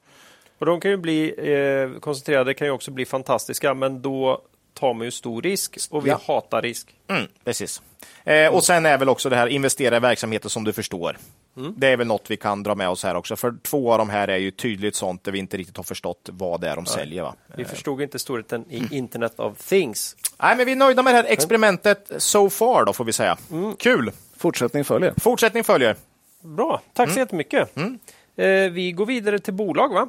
Ja, Och eh, först ut, eh, för, det är ju två nykomlingar. Just det. Det här kan inte jag uttala, men det var någon, någon slags Huhtamäki. Ja, Den där tror jag är bra. Då. Jag, jag vill gärna att någon finsk lyst eller någon som kan finska skickar in. Men, men dra, kör det där fram och tillbaka i era spelare någon gång. Det där tror jag var väldigt nära sanningen. Kanon, jag tänker säga kommer det igen. inte riktigt säga så i fortsättningen kanske, Nej. vill jag påstå. Utan det blir... Ja. Eh, konsumentförpackningar från vårt östra grannland. Mm. Kan det vara något, Ola? Du, Eh, du har ju inte gjort det lätt för dig när du tog ett bolag med det här namnet. För att säga. Jäkla jobbigt alltså. Men jag, jag vägrar ju ge mig när jag ser något som ser intressant ut. Va? Nej, då är det som Då, då, strunt, iller. mm, då, är, då, då struntar man i vad det heter. Mm. Peter Lynch har ju däremot eh, till och med sagt att eh, bolag med tråkiga namn faktiskt generellt brukar vara lite billigare. Va? Mm. Men sa något om svåra namn. Nej, så, ja, det, kanske, det är ju kanske inte alls svårt för finsktalande. Nej, det kanske det är är, som eh, Emil Ja. eller Peter. Det är väldigt enkelt för Ica, dem. liksom. Men för oss är det här jobbigt. Ja. Det här är large cap Finland då. Väldigt tydligt här nu. Eh, börsvärde 40 miljarder SEK ungefär. Mm. Lite större än det vi brukar hålla på Ja, inget litet Och bolag det är alltså. i dagsläget ungefär, vad kan det vara? 50 euro? Nej. Ja. Eh, de här tillverkar som du sa då säljer Oj, det här är ett långt ord. Konsumentförpackningsprodukter. 30 bokstäver där. Eh, är det någon som kan hitta något mer än det så eh, får ni gärna skicka in. Det tror jag kan. Det är bara att översätta till finska. Oh, badam, bam, ja. ja, det är bra Macke. Eh, ja, men konsumentförpackningsprodukter då. Vi har tidigare haft uppe Duni här bland annat ju. Ja, Hartman. Ja. Det är konkurrenter på vissa delar här kan man säga. Eh, Det är också förpackningar då. Huhtamäki säljer förpackningar för mängder med produkter här och i flera material. Ni vet eh, Hartman, eh, det är ju mm, återvunnet papper och så, pappersmassa va. Eh, här är det ju olika material, men mycket, man jobbar ju jäkligt hårt på den här hållbarhetstrenden ändå i alla sina förpackningar då såklart. Och det förstår man ju, den trenden är ju jättestark. Man gör förpackningar för dryck och mat to go, alltså eh, snabb, ja, snabb, men eh, sånt man äter eh, när man är på språng. på språng va? Mm. Äggkartonger som jag sa det här då, förpackta, förpackad dryck och mat, alltså mer långtidslagrad. Eh, lagrad. förpackningar. Var det via äggkartong när du kom in på det egentligen? Ja, det var faktiskt det. Eh, Det var så jag kom in på det, för jag ville se om det fanns några peers till Hartman. Ju. Och det finns det ju då, fast det är ju bara en liten del av Hotamäki. Förpackningar till hundmat. Tandkrämstuber. Ja, alltså det är mängder med... Det här är ett stort bolag alltså. Men de gör väl inte sådana här klämmisar till barn bara? jo, det gör de. Sådana man trycker ut lite... eh, Någon fruktkräm. Ja. Mm, jo, det gör de också sådana. Med, med någon form av metallfilm inuti, Ja. va? Mm. Jätteavancerade grejer. Ja. Och sjukt eh, You, höga krav. you name it, Claes. De gör, jag lovar, eh, om du säger några grejer så lovar jag att de gör. De gör till och med det här eh, pappret runt cornettoglassen. Va? Oh. Det, det här som man rullar Ja, av ja. så va? Chipspåsarna? Ja, ja, ja, allt sånt. Eh, Oreos, de här eh, Singoalla, allt. Allt, allt, allt. Ni, ni är med nu? Ja, vi är med. Vi fattar. Det är inte nya här, man vet vad de gör. Eh, hållbarhetstrenden som jag sa, det här är ju en tillväxtdrivare framåt för Huhtamäki. Åtminstone tror eh, bolaget själva på det. Men det, det sägs ganska, man är ju ganska inne på att här finns det något att göra för miljön helt enkelt. Som en trend då. Huvudkontoret ligger i Esbo i Finland. Eh, men man säljer produkter över i stort sett hela väg, världen. Och här är inte Afrika ens en, eh, något grått, utan här det finns produktionsenheter överallt i alla världsdelar. Eh, oerhört stark geografisk spridning, så man behöver inte vara rädd för något enskilt land skulle Nej. införa något så direkt. Finansiell historik då brukar vi eh, prata mycket om. Här har man omsättning 7% i snitt upp per år senaste 10 åren. Vinsten har ökat med exakt 10% per år i snitt. Det är ju bra. Det är bra. 10 år. Lönsamhetsmässigt har man en oerhört stabil och fin lönsamhet. Och det här är ju, det ska inte vara supersvårt, eh, tycker jag. Att, att han, det, är- det är ju liksom väldigt bra, stabila produkter. Det är liksom, ja, bör vara lite variation och inte särskilt konjunkturkänsligt. Man har så alla olika typer av tandkräm, inte sparar du på den när du Nej. du borstar inte mindre tänderna nu till exempel, eller vad det nu är. Du, eller hur? Nej. Nej. Och jag äter fortfarande ungefär lika mycket märks. Ja, och sen har de faktiskt en liten, eh, som jag sa, då, hållbarhetstrend underliggande som ligger och ändå eh, ligger. Eh, utdelningsmässigt har de delat ut varje år, inklusive pandemin. Det här är ett av de här som gjorde det. Eh, oerhört fin stabilitet på det. Man har höjt eller haft oförändrad utdelning varje enskilt år senaste 15 åren enligt börsdata. Så inte sänkt något år. Snyggt. Eh, ni hör ju, det här är ju ett, ett kapbolag. Ja, det är ju... Produkter man förstår och bra historik. Jag, jag, vänt, jag. Du väntar Jag väntar på det, för jag vet att du brukar säga att det finns ett fel. Eller, eller ett, Och ett en flå. Och kan Under- du inte hitta den? Under 20, och, och, och, och kan du inte hitta den så är det värderingen. Ja. Under 2022 ökade omsättningen med hela 25 procent. Mm. Det kom en väldigt stor del från pris och valuta. De, kunde med, de hade eh, med andra ord prisjusteringsförmåga. Ja. Det var det vi kom fram till, Ja. va? Mm. Eh, 3 procent hade man eh, av sin försäljning i Ryssland när kriget bröt ut. Så där var man ju lite rädd tyckte jag när jag började kolla på det här. Finland, mm. Jag har hört många finska bolag som Ja, fått ett mycket smäll där. Väldigt stor smäll, men 3 procent så inte alls så mycket. Dessutom bokar man upp en vinst när man avyttrar den ryska verksamheten. Oh. Så där eh, fick man bra betalt. De har fått hem pengarna. De har fått hem, ja jag tror det. faktiskt. Ja. Allt ska vara kli- avslutat under hösten 2022. Snyggt. Så det gjorde man ju bra. Ja, men det, var ju, det, har, det har ju varit en för, ja, fördel. Marabou vet ju hur det är att vara inom Mm. livsmedel. Det Ja. är ju inte, men, men det har ju ändå varit en fördel eftersom den verksamheten har fått fortsätta så att säga. Och Ja. varit undantagen från en hel del av Just det. eh, de här eh, inskränkningarna som har funnits. Så då har det ju också gått att få till affärer. Så ehm, Men det är bra jobbat. ja, den ligger dock kvar i jämförelsen något kvartal till tror jag. I Q2 också. Eh, ebit steg precis som vinsten 25 eller precis som omsättningen med 25 procent, så vinsten har hängt med upp då. Eh, Q1 2023 lite sämre, omsättning oförändrad, ebit sjönk 10 procent. Det sista kvart, senaste kval, kvartalet nu då. Man säger att inflationen påverkar konsumtionen. Förstår man ju. Minskade lager i värdekedjan pratar man om. Det har vi pratat lite om här också. Eh, och sen pratar man även om återgång till ett normalt säsongsmönster, vilket påverkar försäljningen negativt i Q1 just. Så att vi får se, men lite svagare i Q1. Inte lika givet för just den verksamheten? Nej, eller? tycker inte jag heller. Men eh, de har ändå en viss... Ta tandborstningen och chipsen? Och ja, eller, ja. Men... ja, jag tror... Kan, kan inte julhandeln och... Ja, jag vet inte. Mm. Eh, nej, men så att Q1 var svagare och ska vi kolla aktien så har aktien inte gått särskilt bra de sista fem åren. Eh, den har varit ganska svag i utveckling för aktien. De hade en väldigt stark period fem år innan där, eh, från 2010 och fram. Men sista fem åren har utvecklingen för aktien inte varit bra faktiskt. Långt efter index. Eh, man lämnar ingen prognos för innevarande år. Det gör ju många finska bolag annars. Eh, men den 28 mars i år höll man kapitalmarknadsdag och kommunicerade femårsmål. Passar ju ganska bra för den här typen av stabil, att liksom lite, lite längre. Eh, där säger man jämförbar tillväxt. Eh, det vill säga organisk då. 5 till 6 procent. Ja. Och så får man addera, de gör ju lite förvärv då och då. Så att, ja, justerad ebit-marginal 10 till 12 procent säger man. Eh, nettoskuld ebitda 2 till 3, utdelning 40 till 50 procent av resultatet. De finansiella målen tycker jag känns, eh, ja, känns rimliga, men ligger ändå en bit över historiken faktiskt. Eh, historiskt har man kompletterat den organiska med förvärv och det kommer man säkert fortsätta med. Nettoskuld ebitda ligger i dagsläget på 2,5 cirka, mitt i det här intervallet då. Eh, så visst kan man fortsätta förvärva med någon form av kontinuitet. Liksom. Eh, jag ska försöka mig på en gissning här för 2023 eh, och då landar jag i cirka 2,20 euro då per aktie i vinst. Eh, skulle på kurs 31,30 innebära P på 14.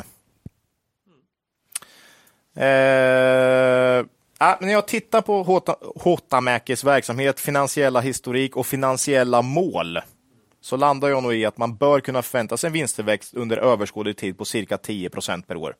Och då ska jag säga, då har man legat på 10 procent i vinsttillväxt historiskt och man har ungefär det som mål, skulle jag säga. Eh, organisk plus eh, förvärvad. Och då har vi sagt P15 är rimligt ju. Mm. Senaste tio åren har aktien på börsen värderas till P18. Så det är ett sånt här stabilt utdelningsbolag som många har gillat. Men som sagt nu 14 då. Så tror man att 18 nu är det börsen ska värdera tillbaka sig till, ja, då börjar det bli intressant. Men vi säger ju ändå 15 och håller ju oss till den här vinsttillväxten. Va? Vi har aldrig kunnat köpa Axfood och i, liksom. Eh, och då är ju margin of safety lite för låg för oss. Det går inte att, att, att köpa något om, man, om det är P14 om man säger att 15 är motiverat. Mm. Det blir för lite. Eh, men det här är ett bolag jag verkligen gillar. Produkter man kan förstå, stabil finansiell historik, bra förutsättningar för fortsatt utveckling framåt. Eh, Kvalitetsaktiepoddenbolag utan tvekad. Utan tvekan. Mm. Eh, här skulle jag gärna köpa kan jag säga, om värderingen kom ner eh, lite till. Vi får väl se. Svag börshöst, någon dålig rapport till, mm. så kanske det kan eh, finnas det kan, det kan hända. tillräcklig mos. Kanske det kan bli träff. Mm. Mm. Lite för lite i dagsläget dock. Ja. Men eh, himla intressant bolag. Ja, väldigt trevlig nykomling i podden får man säga. Ja, vi äger inga aktier i Hotamäki. Nej, det gör vi inte. Nej. Eh, vet ni vad? Nej. Efter H så har jag en här. Mm. Och då har det blivit dags för vår sponsor Nordnet. Oh, jag trodde du skulle göra en analys på aktien här. Men nej, nej. Det, det, blir eh, sponsorskapet här. Ja. Ja, vår samarbetspartner Nordnet fick vid årsskiftet ta emot den prestigefyllda utmärkelsen Årets Bank. Eh, bland annat för sin innovativa och snabba produktutveckling. Vi är idag väldigt glada att eh, nu få säga hej till dig Rasmus Järborg, produktchef och vice VD på Nordnet. Ja, hej, vad kul att vara här. Ja, välkommen till Kvalitetsaktiepodden Rasmus. Berätta för oss, eh, vem är du?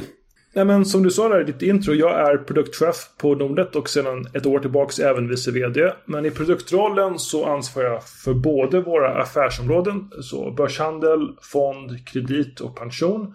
Eh, men även då den tekniska utvecklingen vad gäller våra kanaler, alltså app och webb. Eh, och sen är det förstås våra utvecklare på techavdelningen som bygger dem.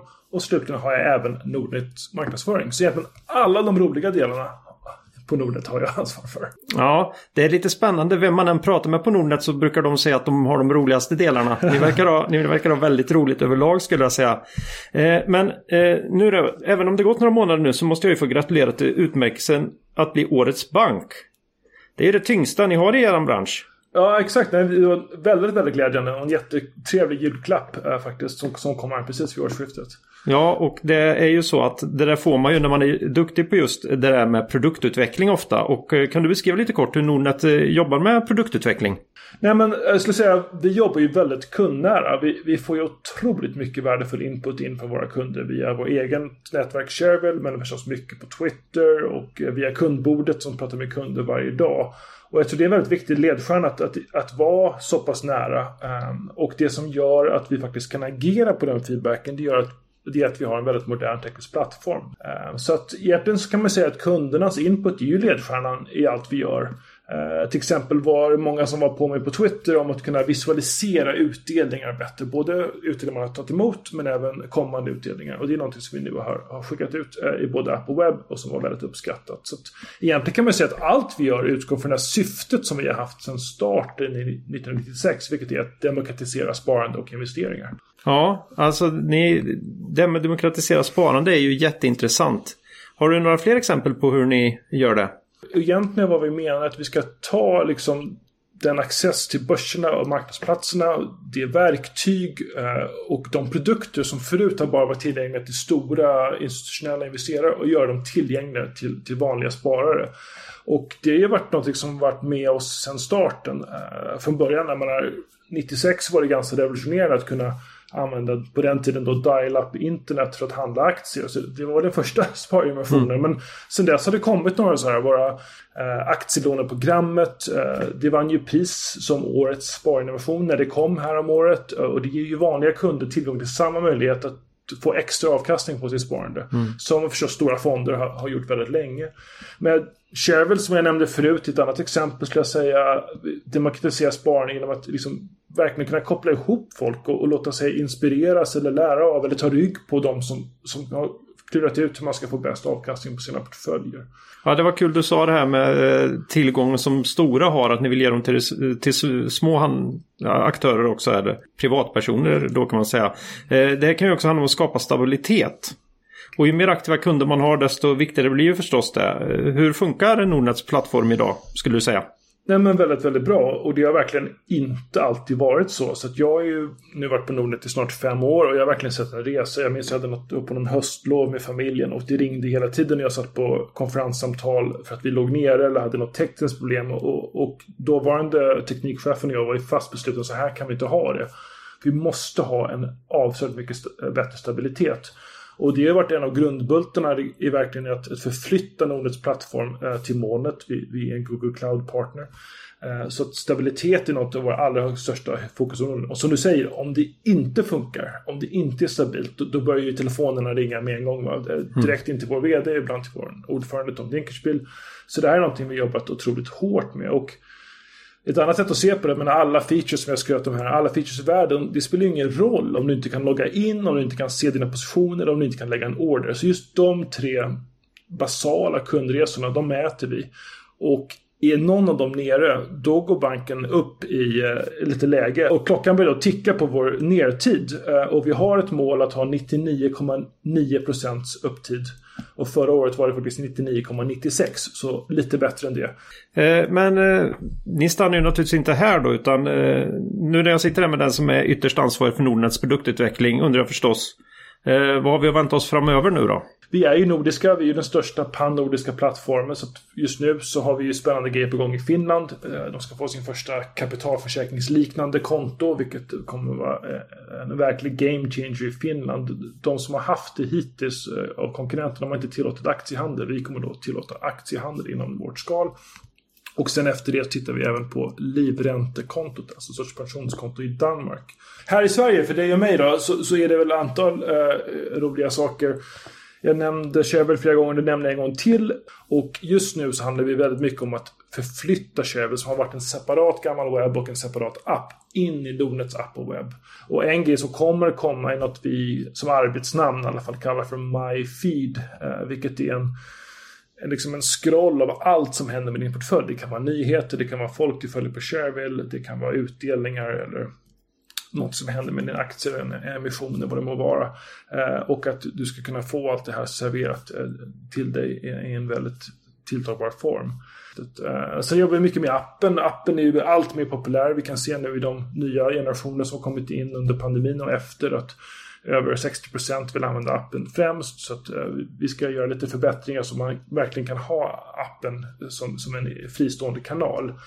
Ja, det låter spännande. Eh, då får jag säga stort tack till att du ville vara med i podden Rasmus. Ja, tack så mycket. Och eh, till dig som ännu inte provat Nordnet vill jag uppmana att gå in på nordnet.se och öppna ett konto. Och då vill vi bara påminna om att börsen ger och tar. Även ett, om sparandet i aktier och fonder eh, gett historiskt god avkastning över tid finns inga garantier för framtida avkastning. Det finns risk att du inte får tillbaka de pengar du investerat. Tack säger vi till Nordnet. Tack så mycket. Trevligt. Mm. Hoppas de också får en bra sommar där. Eh, vidare med bolagen då. Det andra och sista för dagen, Transtema. Det här bolaget sysslar med infrastruktur inom IT och om jag analyserar kursutvecklingen den senaste tiden kan jag också gissa att de inte påstår sig hålla på med AI som en del av deras peers. Ja, nej, det håller de inte på med. Nej, nej. Det, det, det syns. Mm. Eh, sen är det också mycket lättare att säga Transtema, ja. eller hur Ola? Oh. Ja, ja, ja. Mm. Nej, men det, och det är inte 40 miljarder i börsvärde heller? Nej, det är absolut inte. Nej. En. En? Ungefär, mm. Lite stor, det är skillnad. Ja. Mm. Nej, men vi har fått in ganska många faktiskt som har skrivit i podden och velat att vi ska ta Transtema. Eh, och då har vi historiskt sett svarat att nej, vi tycker historiken ser lite för skakig ut. Eh, men sen fick vi in ett mejl från lyssnaren Anton då, som gick igenom hela historiken och la upp caset. Så då tänkte vi att det kan vara värt att gå igenom ändå. Ja. Eh, så tack Anton. Och därför kommer nu Transtema som nykomling i podden. Man noterades på Aktietorget 21 maj 2015 för 3,80. Gick extremt starkt. 550 procent upp till 26 kronor när man flyttade till First North. När var det då? I eh, första november 2016. Okay. Så det är ett år. Ja. Aktien fortsatte gå starkt. Toppade i maj 2017 på 72 kronor. Då är vi 1800 procent upp från IPO. Oj, då är det många som är där och flockas. Det då, då är det poppis. Ja. Mm. Men sen var det en lång utförslöpa ner till covid-botten på 5 kronor. Herregud alltså! 93 procent ner. Oh. Och sen har det starkt upp igen, så nu är det på 23 kronor. Beror lite fem. på när man har gått in här, om man ligger plus eller... Okay. Det kan man lugnt säga. Ja, ja. Eh, nej, men det är lite spännande med, med den här eh, kursutvecklingen. Eh, så att, och sen har man flyttat till Stockholmsbörsen då, eh, i eh, september 21 och är på small cap med börsvärde på knappt en miljard. Men när vi kollade på det här och såg att eh, liksom, verksamheten så att, att histori finansiella historiken såg lite ryckig ut. Yep. Det, det, rimmar ju lite med kursutvecklingen. Kursutvecklingen har följt historiken lite grann. Alltså, någon, men, men, samtidigt, det finns förklaringar då? Det är det jag ska gå in på. Bra! Precis just nu. Yes, shoot. Eh, ja, nej, men för man går igenom det här så måste man nästan gå igenom historiken. Man kan inte bara kolla på hur det ser ut idag. Nej. Eh, för strax efter noteringen då så börjar man växa väldigt snabbt via förvärv. 2016 köpte man sex bolag, ökade omsättningen med 130 procent mot året innan via förvärven. Då. Mm. Eh, såg ut att vara fina bolag, presenterades med ebit-marginaler 10-17 procent. Eh, även övrig verksamhet gick jättestarkt. Eh, omsättningen 2016 ökade 599 procent. Ebit 257 och vinst per aktie 176. Då brukar kursen gå bra. Och det såg man ju på kursutvecklingen. Mm. Eh, det fick ordentlig fart. Jag ska inte säga att man fick hybris, men man verkar ha blivit överoptimistiska. skulle jag säga. Eh, för man fortsatte att förvärva massa bolag i ganska rask takt här inom fiberutbyggnad. Då. 2017 eh, gjorde man sju förvärv, ofta inom själva grävandet då, av, i utbyggnadsbolagen. Då. Men nu så pratar man inte ebit längre. Nu är det ebitda som gäller. Aj, aj, aj, det, det, är några varningssignaler här. Som, ja, ja, och eh, liksom, trots det här resultatmåttet då, som är längre upp så hade man gått från att ofta ta 10 till 17 procents marginal till 2 till 6 procents marginal. Ja, ja, okay. Mm. Eh, och huvudsakliga betalningen ibland, eh, i, i alla fall två exempel, var finansiering av bolaget framåt. Det vill säga du betalar inte utan du tar bara över verksamheten. Ja. Det känns definitivt som att man köpte bolag av lägre kvalitet. Ja, det är ju inget snack. Inget snack. Nej. Och det gick inget bra heller. Nej. För här fick man en kraftig, marknaden vek och man fick kraftiga förluster både 2018 och 2019. September 2019 ansökte man om konkurs för tre av bolagen och avveckla hela affärsområdet infrastruktur. Ja. Eh, I Q3 2019 tog man 70 miljoner i nedskrivningar av immateriella anläggningstillgångar och 50 miljoner i övriga kostnader. Kan man säga att det var lite felköp där då? Ja, det tror jag. Ja. Säkert lite otur med marknadstajmingen. Ja. Men det blev upp som en sol och ner som en... Det blev inte rätt i alla fall. Nej. Nej. Och det var det som låg bakom att det kraschade 93 procent från toppen. Då. Ja. Sen drog man på sig ett gäng tvister också, eh, bland annat rörande fordringar mot IP-Only och TDC. Då. Eh, Den här tvisten mot IP-Only avslutades så sent som 17 februari 2023. Då. Eh, Det är ganska nyligen. Eh, Teckna ett förlikningsavtal som innebär att man ska betala 35 miljoner till IP-Only. Då. IP-Only hade krav på 144, Transtema motkrav på 47, så det var ett ganska okej utfall. Eh, parterna ska också komma överens om att de ska fortsätta jobba med varandra. Eh, och det här har varit lite öppet sår. Då. De har ju ganska mycket med varandra att göra. Oj, Har man då en gammal tvist så är det lite jobbigt. stökigt. Ja. Och nu har man TDC kvar där och Transtema har kvar krav mot TDC angående förfallna kundfordringar och de har bestritts av TDC som säger att det är brist i utförandet av arbetet. Då. Vi hoppas att man kan avsluta det här och lägga det bakom sig så snart som möjligt. För det är en del som inte finns kvar i bolaget Ja. längre. Eh, Sen när jag läste på lite om det här så, så en reflektion jag gjorde med Transtemas uppgång och fall på fibermarknaden så känner man att det kan vara ganska snabba kast. ja, För med 16 procent plus eh, och sen krasch ner. Eh, Det kan ju vara det som är bakgrunden till Blanka-caset i Hexatronic.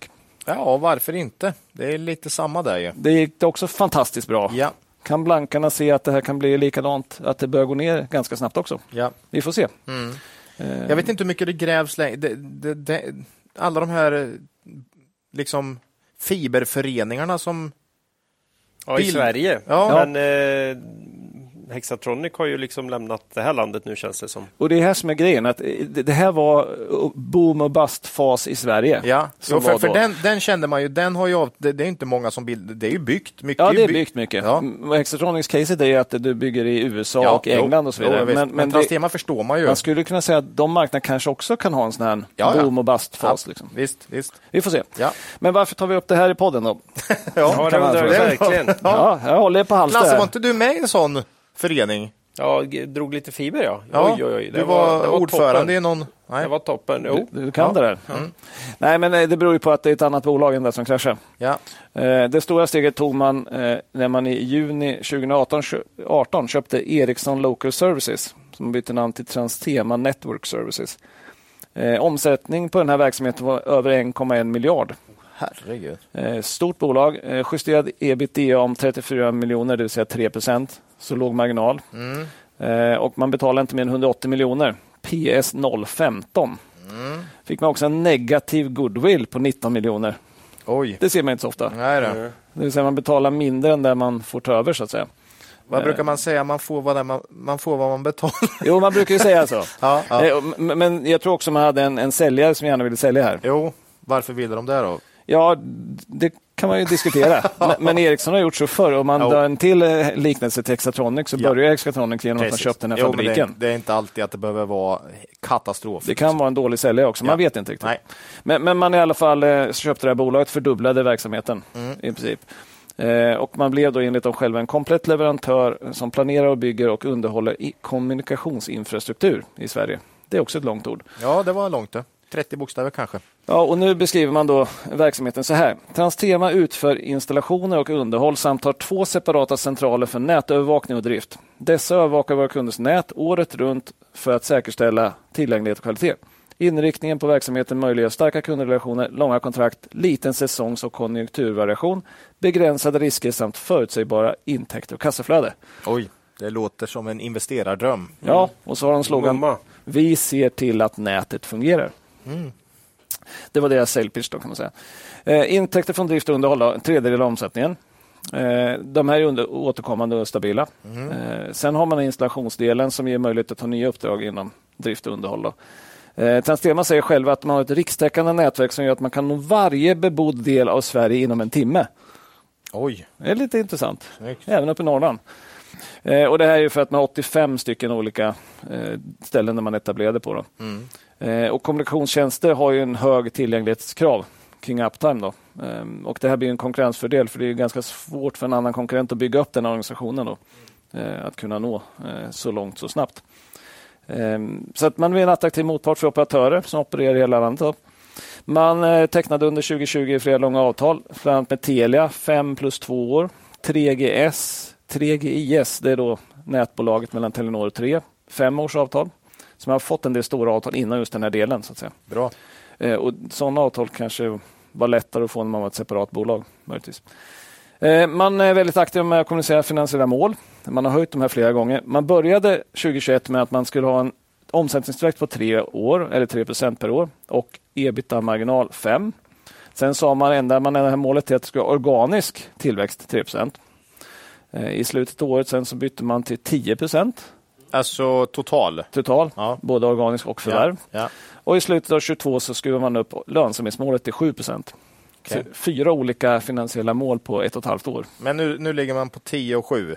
Eh, 10 procent och 7. Ja. Precis. Mm. När man då eh, gick över till det här målet som inkluderar förvärv då, så sa man att man var nere på nettoskuld genom ebitda på 0,2 och var redo för förvärv igen. Mm. Eh, och då hade man inte gjort förvärv på tre år vilket var lite förståeligt med den här historiken. Då. Ja, brukar det bli så. Bränt, bränt barn sky, Exakt. skyr elden. Mm. Jag kommer återkomma lite till det. Eh, men, men, under 2022 så gjorde man fem förvärv, då, varav två i Norge var materiellt stora. Man köpte Testa Connect, eh, inom, verksam inom service och byggnation av telekomnät. Omsatte 413 miljoner norska. Ebitda-marginal på 10 procent, såklart högre än vad Transema hade själv. Man köpte även UB Connect som arbetar med design, installation och uppgradering av mobilnät. Ungefär lika stort, 440 miljoner och eh, ebitda på 7 procent. Så att man, har köpt bolag som varit lite mer lönsamma än sig själva. Då, så att säga. Och att man lyfte finansiella målet var väl just för att man köpte de här bolagen. Eh, sen hade man en väldigt fin utveckling 2022. Eh, omsättning 45 procent upp. 11 procent organiskt. Eh, de här förvärven kommer att göra att man växer ungefär 25 procent i år också. Rörelseresultat 22, 30, 39 procent upp, ebitda-marginal 7,4 då. Så nu är man uppe på det här ökade målet. Då. Eh, och Det här gör ju att det känns ju kanske ändå, om man inte kommer öka målet igen då, så har man nog förmodligen gjort det mesta av marginalresan här skulle jag gissa på. Ja. Men sen finns det en del risker här. När ja, man tittar för aktien har gått svagt trots det här? Eller? Ja, på slutet har det varit jättesvagt. Vi kommer komma till varför just Q1 drog ner det. Okay. Men det finns lite andra risker. För det här, när ni screenar det här så kommer det se jättebilligt ut. Eh, men det finns vissa risker här. Då. Dels så är det att den här delen som sysslar med underhåll har ju väldigt långa kontrakt. Eh, mm. Låg konjunkturrisk, det är bra. Eh, men det är en stark kundkoncentration. Telia 40 procent, Telenor 20 procent. Ja. Det är stora bolag som vi har hört från en del andra bolag kan vara ganska svåra att ha som motparter mm. i förhandling. så att säga. Jo, minst sagt. Sen är det väldigt långa avtal. Som vi hörde, 5 plus 2 och 5 år. Ja. Det som har hänt sen dess är ju inflationen. Eh, hur kommer man kunna klara sig? Man har pratat en del om ökade energipriser och bränslekostnader. De har ju massor med fordon som åker omkring till alla de här ställena och servar. Ja. Ganska mycket, mycket bränslekostnader. Mm. Eh, sen är det ganska mycket personal också som åker omkring. I Q4 så sa man så här. Vi kan konstatera att utmaningarna är många och stora. Speciellt löneprocessen i vår kommer troligtvis att påverka oss som en stor arbetsgivare.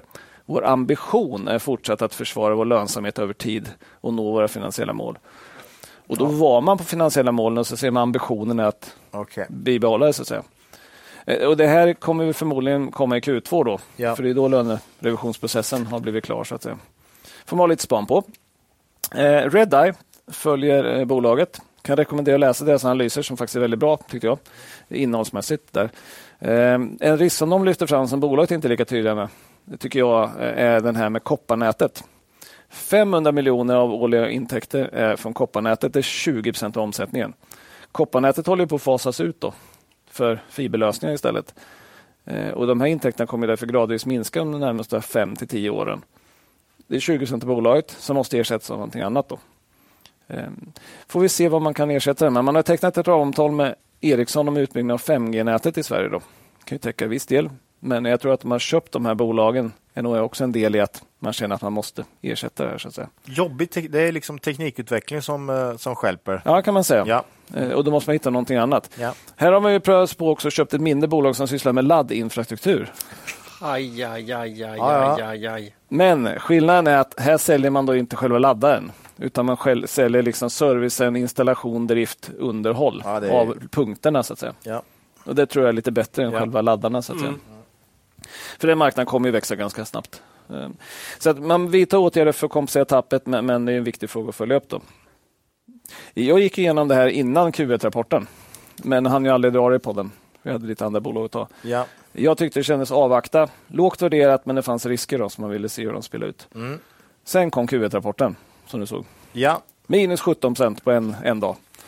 Vi ska ju också säga att just Q1-rapporterna, det var, oh, det var mycket rejält ner på, bol, på rapporter. Ja, nu, vet var- jag, nu vet jag inte just hur den här var, men, men visst, det var hisklig utförslöpa i många. Ja, minsta svaghet så Ja, det var skoningslös. skoningslös. Ja.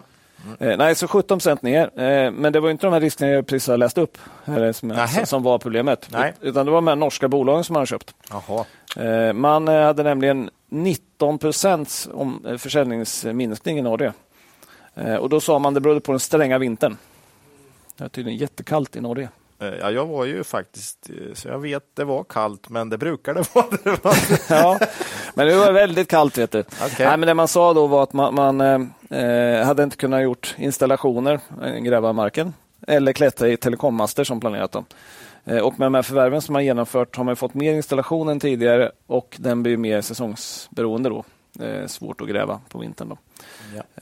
Här sa man att man optimistiskt sett tar igen det här senare då när vädersituationen blir bättre. Det skulle ju kunna vara en, en, en, en, en, en bra, en pos, om det nu blir så. så. Ja, och det är precis det som är Q2 blir en väldigt viktig rapport ska jag säga. Ja. För, för nu måste man visa ändå att det var väder. Det, det är svårt att säga något sånt och sen blir det inget i Q2 alls. Nej, vad ska man säga då? Liksom? Nej, precis. Fort, fortsatt dåligt väder. Fortsatt Ja. dåligt väder. Ja, nej, så, så att Q- Intressant. Den blir Q2 är extremt viktig Ja. för, för marknadens förtroende för bolaget. Bra. Kan man visa att det här bara var väder och att man tar tillbaka det här och att det, det löper på, ja, då, då kan man ju kanske stryka lite den Ja, eh, delen. Så att säga. Ja.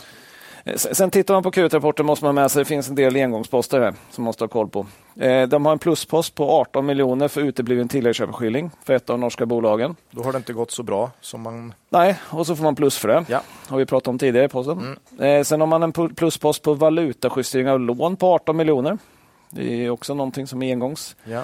Men man har en minuspost på 39 miljoner för den här förlikningen som vi pratade om i inledningen. Så netto minus tre, eller vad blir Ja, det? men grejen är också att den här eh, förlikningen hör ju till installationsdelen som man lagt ner. Så den hamnar längst ner under avvecklad verksamhet. Okej. Så screenar man där så står det att man gjorde 1,2 kronor i vinst per aktie. Jaha. Det blir det ju inte alls om man Okej. rensar då lite grann. Ja, ja, Så se upp lite vid screening. ja. Men värderingen då. Eh, bolaget hade vinst förra året på 3,17. Dagskurs 23, P 7,3. Oj. Då hade man en positiv engångspost igen då på 21 miljoner för utebliven tilläggsköpeskilling som man också måste rensa för. 2,65 utan den och P 8,7. Fortfarande jättelågt. Um, Redeye och Penser följer bolaget eh, och Redeye tror på en vinst eh, i år för 3 3,61 och Penser 3,28. Det är 6,4 respektive 7. Oj. Det är lite oklart hur de har gjort med engångsposter. Sådär. Ja. Eh, Det framgår inte så tydligt tyckte jag. Men om man tittar på nästa år då, så tror Redeye på 3,09 och Penser på 3,92. P 7,4 respektive 5,9. Nej, vi snackar ju value trap eller Jättebilligt. kurs- eller jättebilligt. Ja, exakt så. Ja. Och det är ganska svårt där tyckte Ja. jag. För det är verkligen inte hög värdering. Nej. Eh, och tror man, ja, men det finns en misstro här mot bolaget, helt Ja, klart. Annars blir det inte den här typen av värderingar. Det, det blir det ju inte. Så, så, Och balansräkningen var okej. ju, Mm, det var det Ja. jag skulle fråga. jag kommer komma till det. Förlåt. Eh, sen är man ju en peer till Eltel och Neltel. Ja, okej. Och de har ju inte rosa marknaden direkt. Nej. Vi har tagit upp det tidigare. Så det har ju också bidragit till negativa sentimentet. Det är ju sånt vi gillar dock, om man blir neddragen för uh, oförtjänt, så Ja. att säga. Det är ju... Mm. Vi har, vi har gjort en egen gissning, men vi kommer inte dra den för den är så osäker. Och, det är bra. och Ja, den men- blir ännu mer osäker efter ja, Q1-rapporten. ja, ja. Eh, Q2 blir viktig då. Q2 blir jätteviktig Mm. faktiskt, ska jag säga. Ehm, dels för att se hur, hur löneinflation slår, men även att man får tillbaka det. Så säga. Ja. Om man går till balansräkningen då, så eh, nettoskulden med ebitda på 0,9. Inte så farligt. Nej. Sen har man 240 miljoner i tilläggsköpeskillingar som kanske ska ut, men man har ju två rapporter i rad skrivit ner det beloppet. Ja. Lite oklart hur mycket som ska ut. då. Man tog in 63 miljoner i slutet av februari i en riktad emission. Kurs 35 då. Kan jämföras med 23 då. Det har gått ner ganska mycket sedan dess. 35 miljoner går till den här twisten. Ehm, men- men grundverksamheten med, med det man köpte från Ericsson ska ändå vara väldigt stabil. Eh, och så. så jag tycker inte man behöver så orolig för balansräkning just nu ändå. Intressant spaning är att den här riktade emissionen tecknades av Case Fonder, Swedbank och Cicero Fonder och några till. Ehm, man har ett börsvärde på en miljard. Det är ungefär här som fonder kan ofta bli lite intresserade. Mm. Eh, Så vi får se om det följs av fler fonder då, eh, som, som kan komma in i bolaget. Men vi väljer att avvakta, följa det här från sidan så länge. Det ser ju väldigt lågt värderat ut. Eh, Men det finns en hel del risker med caset som jag har tagit upp. Då. I närtid är väl inflation och löner och på sikt är det här kopparnätet. Eh, Och sen måste de här norska bolagen faktiskt vara bra och ha haft otur under Q1. Eh, alltså, Bolaget har ju inte den bästa historiken av förvärv som jag var inne på. Nej, det är ju lite jobbigt eh, faktiskt. Så att, lite i så man hoppas ju inte att de blev för, vi måste köpa någonting för vi kommer tappa på kopparnätet och Ja. så går man in och köper de här norska bolagen Mm, och sen visar det sig att de kanske inte höll den kvaliteten de hade. Nej. Men vi får se när Q2 kommer. Eh, väldigt, väldigt spännande Q2. Väldigt spännande att följa. Är det här superbilligt eller är det liksom någon form av värdefälla? Då? Ja, Eh, exakt så. Oerhört spännande. Vi vet inte. Och sen det som är lite jobbigt då är att man, man tycker så här, nu föll den jättemycket på Q1, det ser fruktansvärt billigt ut. Då måste du smattra in insiders insynsköp. här, va? Jaha. Det måste du göra. Ja, jag- jag gissar att det inte har gjort det. Nej, Då. jag har inte gjort det. Nej, nej. Noll insynsköp. Ja, det är ju också lite jobbigt. Det vill man gärna se lite efter eh, stora tapp. Alltså. Ja, den enda insynstransaktionen är att styrelseordföranden sålde aktier för 26 miljoner till några institutionella ägare på 33 kronor per aktie. Okej. De har ju inte gjort någon jättebra affär. Eh, Men man skulle vilja se att ledningen köper det. Ja. Och Om det nu liksom ser så pass bra ut och de här norska bolagen bara lite otur med vädret och så, ja varför köper man inte dem? Nej, floaten kanske... då- eh, Nej, så Ja, litet men så, så lite, en miljard i börsvärde. Ja, okej. liksom. Nej, det finns aktier att köpa, så ledningen Ja. får nog ta och sätta sig ner Ja. och Nej, men spännande. Det här skulle ju kunna bli något. Jag gillar ju på något sätt grundtänket här med lite stabila jag- jag- grejer. Och... Jag har ju en idé runt det här med varför ledningen inte köper. Va? Mm. Det är ju för att det här tar vi sällan, de är så aktieägartillvända så de tar nästan inte ut någon lön. Nej, så. De vill hålla nere kostnader i bolaget. Så de har helt- inget att de köpa. har inget att köpa för. Va? Ja. Nej, jag, har inte, jag har inte kollat, men jag tror att de har en vanlig lön. Jag bara skojar. Nej, men, men, men jag skulle, precis som du var inne på, vi gillade ju det bättre när det var mer service och underhåll. Ja. När man köper sig på installation igen. det var ju det som gick åt skogen förra Nej, gången. det är synd. Otäckt. Lite jobbigt. Jag, jag, jag, jag tycker det är lite konstigt. Ja. Fanns det ingenting som var mer likt det, den andra verksamheten? Det här skulle man ju... Man blir ju intresserad, Ja. men värderingen är så väldigt låg. Men samtidigt lite för mycket osäkerheter i dagsläget. Ja, lite för oss faktiskt. Väldigt spännande att se nästa rapport då. Ja. Jag är ju rädd att det här är ett sånt där bolag som det visar sig att det här var ett, ett bra läge så kommer vi missa det. Ja, det Jo, nej, men det kan vi kan göra. vara så. Men, kan men vara så. Vi får väl se, men, men det, det ser ju jättebilligt ut Men på många snälla parametrar. Marcus, efter Q2, kan du inte lova att ta upp den då? Jo, men vi kan Ja, vi får försöka. försöka göra det. Ja, Vi får försöka. Vi Ja. kommer ha många efter Q2, men ja, ja. Det, det är en intressant rapport. Ja. Så, Transtema var det. Transtema, spännande. Stort och smått Ja, i det får dagens man verkligen podd. säga. Mm. Får man verkligen Ja, inte säga. jättesmått ändå, men Ja. visst. Eh, ja, det var bolagen. Mm. Och eh, då har vi ju utlovat här att eh, vi ska svara på några kluriga frågor från våra lyssnare. Eh, vi uppskattar ju verkligen alla frågor vi får och eh, samlar ju vi, Macke säkert svarar ju ofta lite kort på mejlen. Sen samlar vi de intressantaste på hög och så tar vi ett lämpligt poddavsnitt. Och uppenbarligen tycker vi det här är ett sånt. Eller hur? Ja. ja. Där vi kände att det kanske skulle fylla ut avsnittet lite för det kanske blir för kort. Men, Nej, nej. jag vet inte om men nu kör vi. Det här ja, är sommaravsnitt. Ni får dela upp det här avsnittet. Ni har hela sommaren på er. Eller? Ja. ja. Så är det. Kör bara. Mm. Eh, frågor då? Mm. Vi kör. Eh, jag kan börja här med en då. Eh, Hej! Jag blir ny... Nej, så här. Jag- så- så- är, det, är det personen som är med i filmen som har skrivit brevet, Ola? Är Nej, så? det är det inte. Det är inte det. Och det Nej. är inte det. okej. Eh, nej, men här kommer frågan då. Jag blev nyfiken på ett exempel ni hade kring att en årlig vinsttillväxt på 10% bör motivera ett PE på 15. Skulle ni kunna utveckla detta? Hur har ni kommit fram till det? Ja. Den där frågan har vi fått från flera. Eh, precis. Eh, vi har fått en hel del frågor som sagt om den här tabellen. Eh, den ligger på vår hemsida om man söker på den tror jag på något sätt. va? Eller har vi lagt den smidigt där? Man kan hitta den i alla fall. ja.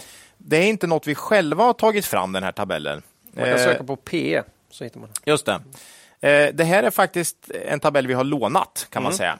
Eh, Jonas Bernhardsson vet jag Mm. har haft med den i någon eller några av sina böcker. Ja. Bland annat boken Tradingguiden som vi har här på kontoret. Japp. Eh, Jag vet också att han har twittrat ut om just den här tabellen någon gång.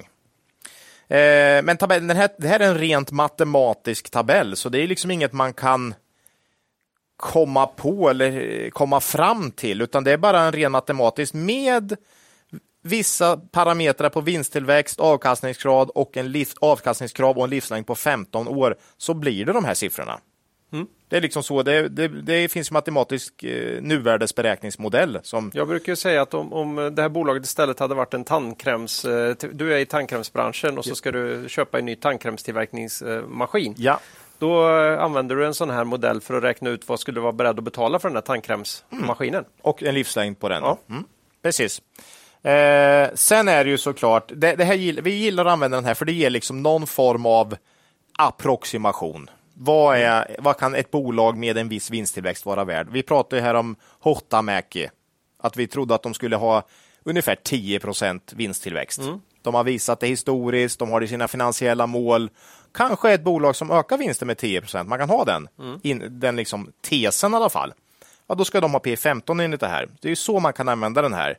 Men det här är ju ingen, det är ingen exakt vetenskap. Vi vet ju att börsen inte. kan värdera ett bolag med en historisk vinsttillväxt på 10% till P32 eh, eller mm. P7. Mm. Ja, ibland är bolag poppis och ibland är de inte alls poppis. Så, så, så, så, det är ju snarare något att hålla sig om man kollar på det här, vad bör det vara värt? Eh, ligger börsen över eller under? Och så? Framförallt kopplar det värderingen till vad bolaget håller på med. Det är ju det vi ägnar oss åt. Ja, att inte, det kopplar inte värderingen till vad, vad tror att någon annan kan vara beredd att betala för det här i framtiden utifrån Precis. bara en känsla, utan den kopplar en värdering till vad faktiskt bolaget ja. mäktar med. Och sen är det så, bara, man, bara för att man hittar ett bolag nu som har 10 års historik på börsdata, vinsttillväxt 10 procent och så säger man P8, köp. Det är inte säkert att det här blir P15 värderat på ett år eller ens fem år eller någonsin. Man vet, alltså, över riktigt lång tid ska det ju bli det. Men... om, om den eh, verkligen är hållbar. Det kan ja. ju vara så att... Eller så har man fel. Mm. Att de tio åren inte var representativa Nej. för framtiden eller vad för något som helst. Ja. Nej, men, så att, men det är ett, ett, ett bra verktyg. Det är ju mm. meningen att det här är framåt. Liksom. Det andra visar ju bara bakåt. Ja. Så det, det är vad marknaden tror framåt. Ja. Men om man tror att det ska fortsätta. Ja, det är då då kan... är den här bra om du helt plötsligt säger att det står P8 fast enligt den här tabellen ska det vara P14 eller 13 eller 17. Och jag ser ingen anledning till varför det ska vika framåt och Nej, så vidare. Precis. Och sen kan man också använda den omvänt som vi ofta gör. Om, mm. om du nu har ett bolag som värderas väldigt, väldigt högt ja. så kan man förklara om den här modellen på något sätt skulle gälla. Vad, vad, vad förväntar du dig då för fortsatt tillväxt över 15 år ja. av det här bolaget? Och då blir det ofta ganska snart fånigt. Mm. Eh, det är väldigt svårt att försvara eh, P över 30. Ja, då. Mm. Precis. Eh, men vill man gräva ner sig i den här ytterligare och förstå liksom matematiken bakom tabellen så kanske man kan läsa matnat på universitetet? Ja, Nej. en investeringskurs. Nej, en investeringskurs eller så kan man kanske läsa då i någon av böckerna här ja. då, där det kanske förklaras men då Jonas Bernhardsson, som eh, han har, vet jag haft med den här i alla fall. Mm. Kan börja där. Ja. Han gjorde väl en jättebra genomgång av den här på sin blogg här. Om, om jag kan hitta den Men visst är det Twitter han hade? Twitter? Jo, jo ja. men han har ju en blogg där han ja, ja. och sen länkar han ju ja, till bloggen från mm, Twitter. Mm. Om jag bara kan hitta den där länken så lägger jag med den. Ja. Mm. mm. Bra. Bra. Mm. Det var fråga ett. Det var fråga ett då. Eh, Okej. Okay. Det här är ju som som en tanke den här frågan är med. Det skulle vara roligt om ni kunde göra en uppdatering över vilket, vilka filters ni använder på börsdata. Vilka variabler skulle man då kunna skruva på givet om man vill ha lite defensivare eller riskablare bolag? Mm. Det här var ju skoj. De här filtren på börsdata. Här. Det första vi vill eh, säga här då är vi sitter ju inte och screenar så mycket som många av våra lyssnare tror. Nej, verkligen inte. Och varför har det blivit så? Jo, det är ju för att vi har ju vårt universum. Mm. Så, så väldigt ofta ägnar vi tid åt att fundera över, eh, är våran förväntan på det här bolaget rätt? Har vi rätt framtida förväntan på ja, våra prognoser? Är de, är de rimliga? Och sen händer det saker och så utvärderar vi det. Och sen har vi en rapportperiod. Då ägnar vi jättemycket tid åt att uppdatera och sådär. Lägga in senaste kvartalet. Ja. Så någon gång har jag sagt att nu har vi en liten, ett litet screeningfönster här emellan rapportperioderna. Det vet jag att jag tagit upp i den här podden. Och det är väl oftast då vi sitter och ser, särskilt när vi har svårt att hitta bolag. Ja som vi tycker är intressanta, då sätter vi igång och screenar. Och kanske någon gång om det fallit väldigt kraftigt ja, på börsen ja. så att det kan finnas några eh, ovanliga köp eller någonting som ja, inte följer. Kvalitetsbolag som har tappat jättemycket ja. som inte har varit på radarn, kanske för att det har varit, har varit för dyrt. helt plötsligt så, ja.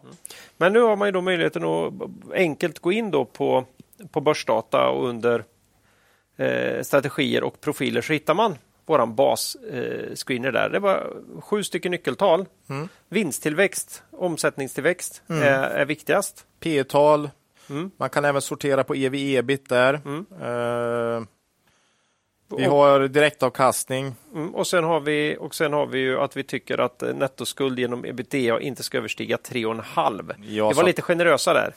Jo, men det var lite för att tre har vi sagt historiskt. Sen kom det här med IFRS och stöka till det en massa konsumentbolag. Så då satte vi, och då sa vi fyra kanske kan vara okej okay för vissa. Mm. Så satte vi tre och en halv nu som gräns, får vi se. Ja, väl... så, sånt kan man ju hålla på och skruva med. Om man tycker att balansräkningen kan få vara lite sämre, ja då kan man ju ändra till fyra. Eller? Mm. Ja, det var ju leasingen som kom in och stökade till det där ja, för vissa bolag. Och sen så tar vi då bort, vi tittar bara på, i den här som den är nu så tittar vi bara på de nordiska länderna. Ja. Och vi, eh, och vi tar bort ett antal olika branscher. Fastigheter, bank, råvaror, råvaror. energi. Ja. Så då kan man ju ta och använda den här betydligt bredare geografiskt. Superenkelt på börsdata och ja. sen kan man ju ta med fler eh, branscher om man, branscher, om man mm. tycker att man har, är man i en bransch, det brukar vi säga, då har man ju en edge där. Ja. Nyttja den. Mm. Eh, men, men, om vi tänker att man då ändå behåller de här. Mm. Och, vi, vi, vi har inte med de där länderna och vi har inte med branscherna för vi tycker det är för svårt. Mm. Att, att göra oss en uppfattning om vad kommer den framtida vinsten vara i de här bolagen oftast. Mm. Så vi sparar lite tid till oss själva där då. Då är det ju det här, ja vad har vi sagt där? Jag tror vi har sagt P 7 till 25 någonstans. Mm. Det, där. Och, och det här är ju på fram, alltså när vi säger vilken P tycker vi är rimligt, vi säger P20 då. Mm, max max, då är det ju om ett, ett år in i framtiden. Mm. Så det är klart att ett bolag som håller på att vända fullständigt eller ett fint bolag som har haft det lite tufft en period mm. kan ju vara så att de screenar på P30. Mm.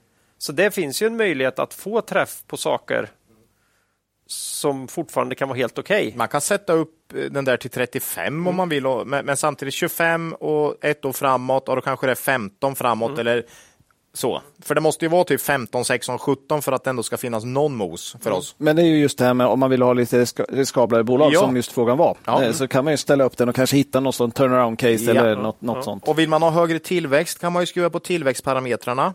Ja. Eh, det vill säga jag vill ha ännu högre omsättningstillväxt historiskt. Ja, då drar man ju i och för sig, då får man nog färre bolag. Då. Du får färre bolag, ja. ja. Nej, men om, om, du, om, om det är det du tycker är viktigt, mm. ja, då kanske du får lite högre värdering, men färre bolag. Ja. Mm. Eh, så, så, kan det vara. Sen, sen är det roligare om man då eh, är kvar på P så är det ju det här att vi anser också att, att gå under 7, kanske redan att börja gå under 8, ja. då börjar det ju dyka upp en hel del luriga bolag. Ja, vi pratade ju trans, att transtema här nyss. Ja, eh, och just det här P. att det, det, kan finnas vi pratar P5 här på Red Eyes. Alltså, när det kommer ner där, då är det ju... Mm, då börjar det bli så lågt så att då då är det ofta någonting som, som marknaden är väldigt, väldigt rädd för. Jag, jag tror vi har sammanfattat det något till. Ibland ska bolag vara billiga. Ja, och, och det kanske inte man, man vet fullt ut, men, men det ligger ändå i marknadens förväntningar på något sätt. Så och att, om man screenar väldigt eh, lågt där så kan det ju vara engångsposter och sånt som man måste justera för. Ja. Och det är ju den viktigaste grejen med det här. Hur man än gör när man håller på med en sån här screener mm. så är det ändå bara ett sätt att få fram uppslag ja. för djupare analys. Mm. En screener i sig duger inte alls att använda som något slags investeringsunderlag. Nej, nej, nej. Är, jag skulle säga, skulle vi generellt sett ta ut de tre översta i den här och hålla på och handla i dem, det hade varit, jag jag tror inte, inte, bra det inte varit bra. Nej, jag tror inte det. Det hade nog inte varit bra. Alltså. Inte ens de fem. Utan, utan utifrån det här ändå ganska begränsande ur, urvalet ja. man ofta får då, mm. så, så, så kan man börja gå vidare. Mm.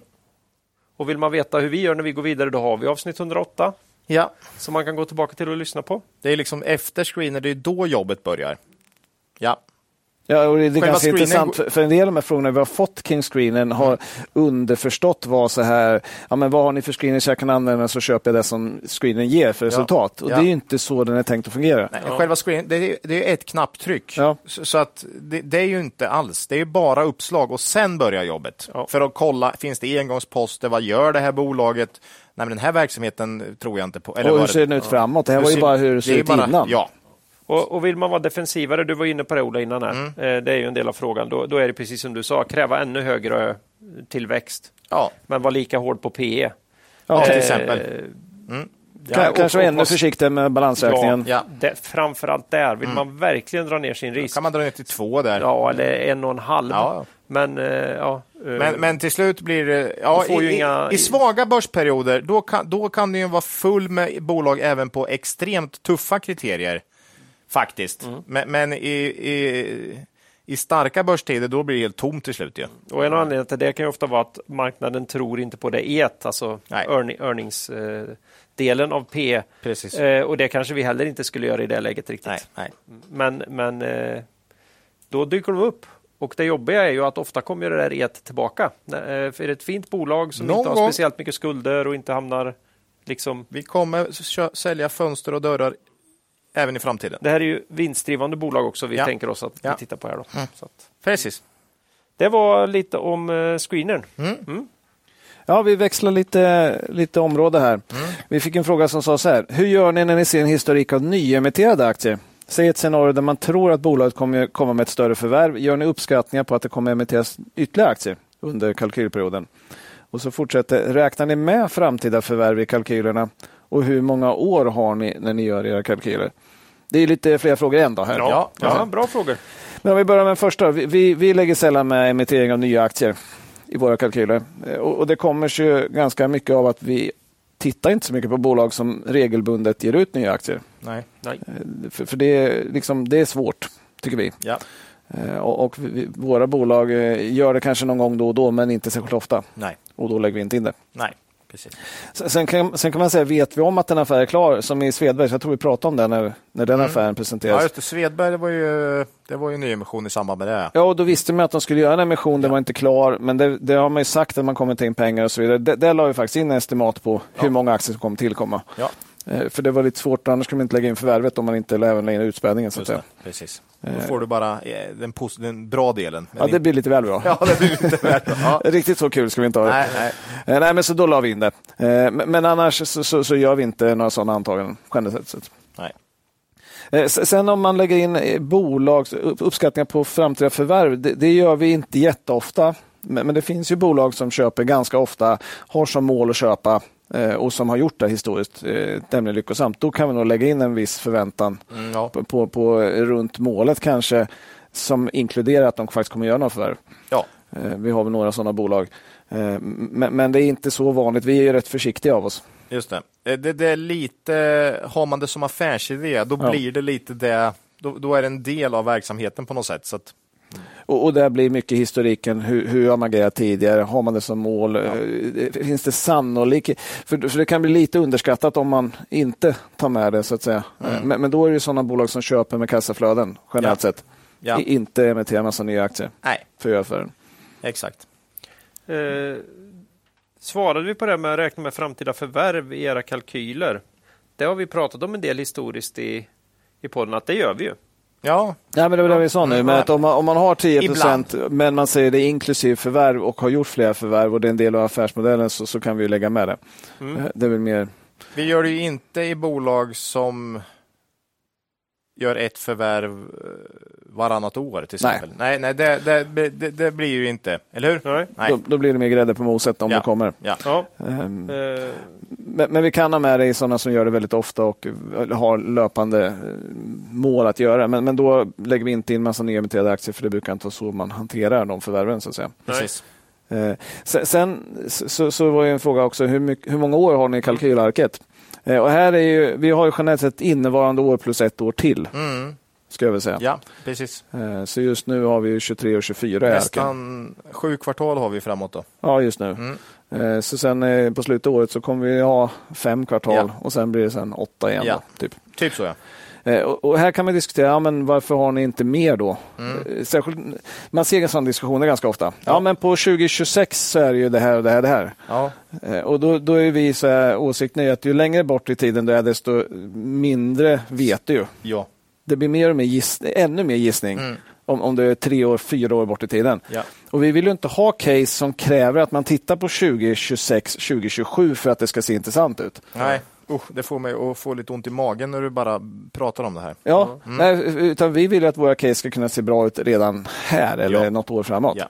Eh, och, och, bilden är att alla som pratar 2026, 2020, de gör det för att det går inte att prata om nuläget, för det ser för dyrt ut. Det ser för dyrt ut. Mm, mm. Det blir lite som att prata PEG, liksom, att ja. jo, men PEG-talet är i alla fall okej. Okay. Mm. Jag vet, värderingen är jättehög, men PEG ser okej okay ut. Ja, ja, och det känns också som en sån grej som man tar till när man liksom inte hittar nuvarande värdering attraktiv. Liksom. Ja. 20, ja. Men med det sagt så gör vi en liten räkneövning där vi också försöker sätta en, ett långsiktigt fair value. Men, men det bygger mer på, på om, man, om man diffar lönsamhetsmässigt ja, mot, mot liksom det här med Olas lågkonjunkturtest ja. och sånt. Det är mer det vi har på den långsiktiga. Ja. Men den är, det, det, är ganska intressant att tänka sig så man inte går bort sig där. Nej. För då kan man också få se att det var och jösses vad de är överlönsamma nu mot ja. historiken här. Ja. Varför, varför tror vi att det ska gå så här bra? Ja, men som Byggmax exempel så hade ju vi inte, även om, då fick vi många frågor, ja, men det är P7 på Byggmax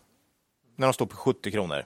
Ja, men då, då, då, då hade vi lagt in i våra modeller ändå att en snittlönsamhet för Byggmax, ja då är det inte särskilt intressant. Nej. Liksom. Men nu lägger du in historisk snittlönsamhet på Byggmax och räknar med ungefär nuvarande omsättning så ser det ju larvigt billigt ut. Ja. Mm. Så, att det är så, man så, kan... den, så den är lite viktig? Ja, att, den är att viktig. Bara, att bara göra den också. Och det är ju viktigare för lite sväng, bolag som svänger lite. för då kan det verkligen vara upp och ner så att säga. Mm. Men, men, som sagt, vi går inte jättelångt bort i tiden för Nej. vi tycker att risken bara med att se ett ett och ett halvt år framåt är ganska stor och risken fem år bort är ingen som vet. Nej. Nej. Det blir väldigt mycket gissningar. Ja. Eh, så när ni läser analysen när man säger ja, men på 2027, 2028 så nej, är det liksom jättebilligt. Ja, men det är ingen som har en aning om hur det kommer att vara 2027, 2028. Så att, eh, nej, så att vi, vi har eh, innevarande år plus nästa. Ja. Generellt sett. Nästa fråga som, som kopplar lite till den är så här. Finns det någon chans att ni kan gå igenom hur ni analyserar ett förvärv? Vad bör man kolla efter och hur kan det skilja sig åt mellan olika branscher? Och Den kopplar lite grann till den förra, då, när det väl kommer ett förvärv. Ehm, och, och svaret är egentligen att vi tittar på samma sak som när vi tittar på bolaget i sig. så att säga. Mm. Hur har det växt? Vad har det för marginaler? Ehm, ja, givetvis vad det för produkter och marknadsposition och så vidare. Problemet är att det är oftast lite svårt. För noterade bolag ger ut ganska begränsad information om de här bolagen som de köper. Mm. Du får oftast senaste året, eh, möjligtvis ett år till. Eh, och ja, Sen är det ett lika stort problem i ett mindre förvärv. Vi gillar ju såna här 5 10 procent av totalen. Ja, vi pratar ju Betsson här nu, att det ändå var inom hyggligt ja. spann. Då, då, får man tillräckligt stort för att ska få lite påverkan, mm. men inte så stort så att det, det går åt skogen Nej. om det blir dåligt. Ja. Transformativa förvärv är ju väldigt försiktiga med. Liksom, oh. ja, det är ett sånt jobbigt ord, ja. Ja, absolut värst när man köper en ny, ja, ny inriktning. bransch, ny inriktning så att säga. Ja. Men, men det är svårt. Och sen, sen kan man ha lite så här, för onoterade bolag i Sverige då, så finns ju alla eh, alla bolag. Alla bolag har du ju statistik. Och den är bra, ja. så den kan man använda för, för svenska bolag. Eh, I Norge hittar vi något som heter proff.no som mm. också var lite liknande. Ja, det är ju bra. kunde man gå in och kolla. Och Finns det några snälla lyssnare där ute som exempel på liknande sajter som de här två? I da andra? Danmark och Finland vore ju kul. Det vore väldigt bra. Framförallt om det går att översätta till eh, engelska. då. Ja, eller på något sätt. Nej, mm. men, eh, skicka in eh, ett mejl till oss, vore mm. snälla. För att det vore bra att kunna få fler sådana här sajter. Mm. För då kan man gå in och kolla lite grann historiken. Då. Ja. Um, för, det, för det är ett ja, vi går på historiken också. Ja. Eh, sen är det viktigt att titta på bolag som köper. Då. Alltså det vill säga vårt bolag som, som vi ska titta på. Mm. Är det ett bolag som historiskt har lyckats med förvärven eh, och, och, samma ledning, ja, men då är det ganska större, större chans att man lyckas igen. Ja. Så att och, säga. och då lägger man ju kanske med, säg att det ökar omsättningen med 5 och då lägger man in 5 och hoppas att de ska ro i land lönsamhet och att det är ett vettigt bolag. Liksom. Jo, eh, är, Lite mer så. Och är det då en ledning som har lyckats ja. med förvärven tidigare så är det ganska sannolikt att man kommer lyckas med ja. här också. Tyvärr tvärtom då. Tvärtom också. Och, Om de blir... inte har gjort det så är man lite skeptisk. Liksom. Och då köper vi oftast inte dem. Nej. Men, men man är mer skeptisk, mm. som du säger. Ja. Så, så ha med historiken av hur man har gjort. Mm. Sen lite grann när man köpte dem då kanske. Köpte man liksom 2021 en massa, mm. massa bolag. Ja. All, väldigt många var ute och köpte känns som att det kan ha köpt lite dyrt. Då. Mm. Eh, och bolagen kanske var någon sorts topp. Mm. Eh, det, är det här med, med, med eh, vad heter det? Eh, pandemieffekter och sånt. Ja. Om, ett bolag köpte en pooltillverkare 2021 mm. så, så, kan man nog räkna med lite lägre omsättning sen mm. eh, under kommande 2023 år. 2023 ja. bör vara lägre omsättning. Ja. Så sånt får man ju ta in också. Mm. Men det är inte bara det bolaget som köper som påverkas av, av svängningar. Nej. Uh, och här, får man se om ledningen har fingertoppskänsla och, och köper i rätt tillfälle så att säga. Ja. Uh, sen får man väl, ja, man, får också lägga in en sån faktor med finansiering är dyrare nu. Mm. Lån kostar pengar. Uh, får man också titta på när man analyserar förvärven. sen skiljer vi inte så mycket mellan branscher, men det är ju känsligare att köpa tjänsteföretag där liksom hela värdet går hem på kvällen.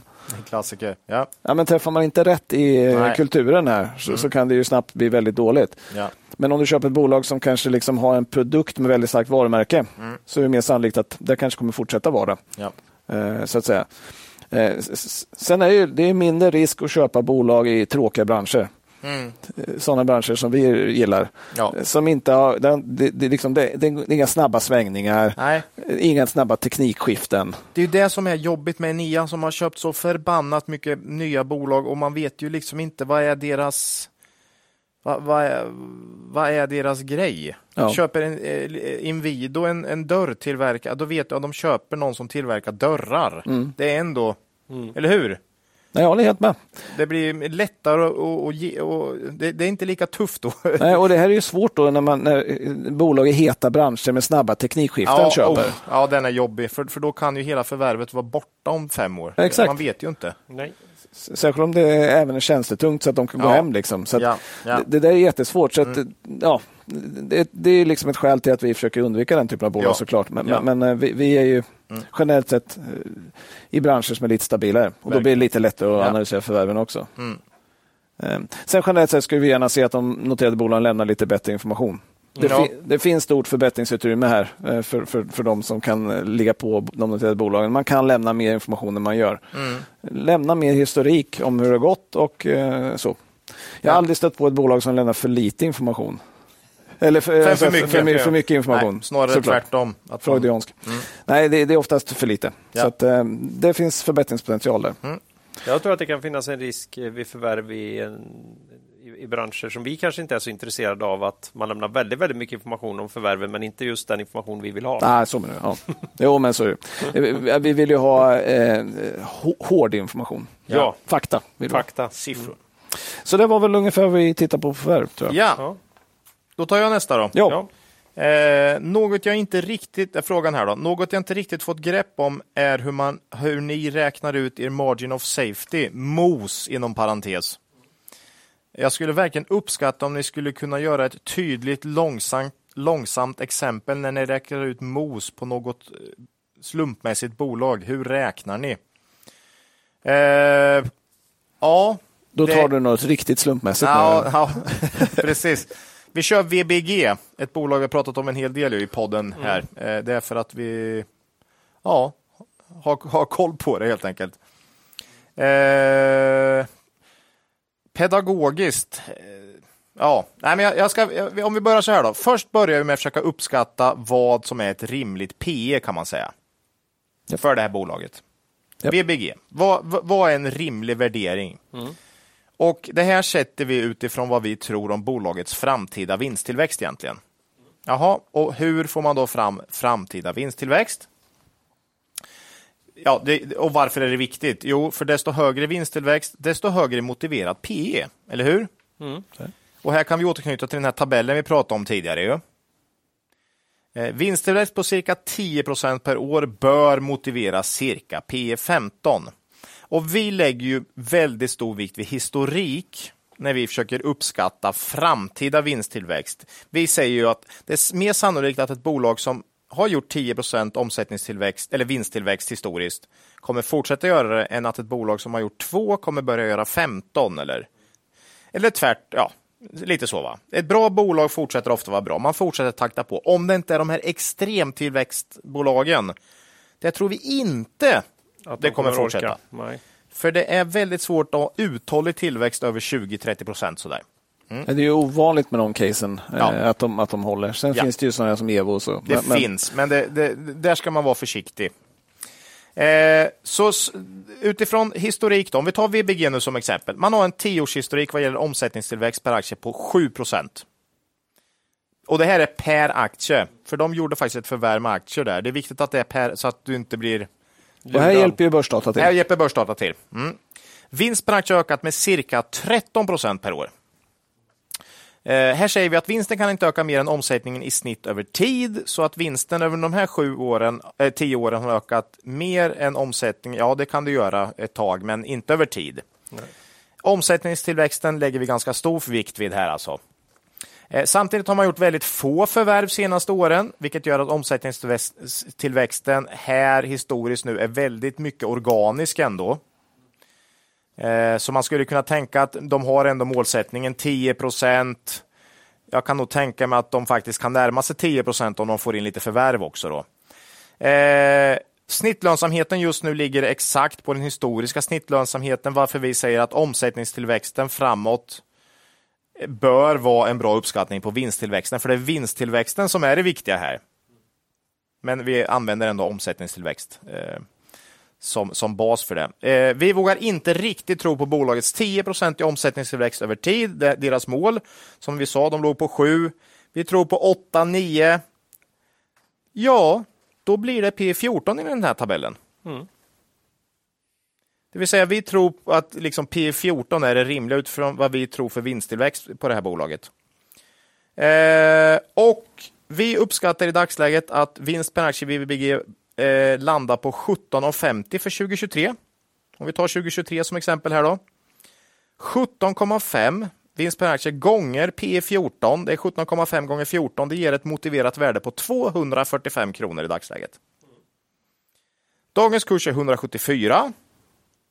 174 eh, 245 då som var motiverat värde minus 174 ger 71 kronor i diff. 71 genom 174 ger en mos på 40,8 procent. Mm. Eh, I dagsläget tycker vi alltså att det finns en margin of safety eller mos på cirka 40 procent i VBG. Ja. Här ska man ju då veta konjunkturkänsliga bolag, väldigt, eh, som vi var inne på tidigare. Eh, man kanske kan se extremt billig ut, mm.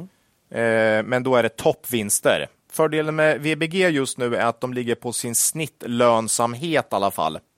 Samtidigt har det varit ett väldigt bra år nu för VBG så att man kan väl tänka sig att det ser lite sämre ut i en lågkonjunktur. Mm. Eh, men det är ändå så här vi jobbar för att bygga upp någon form av mos.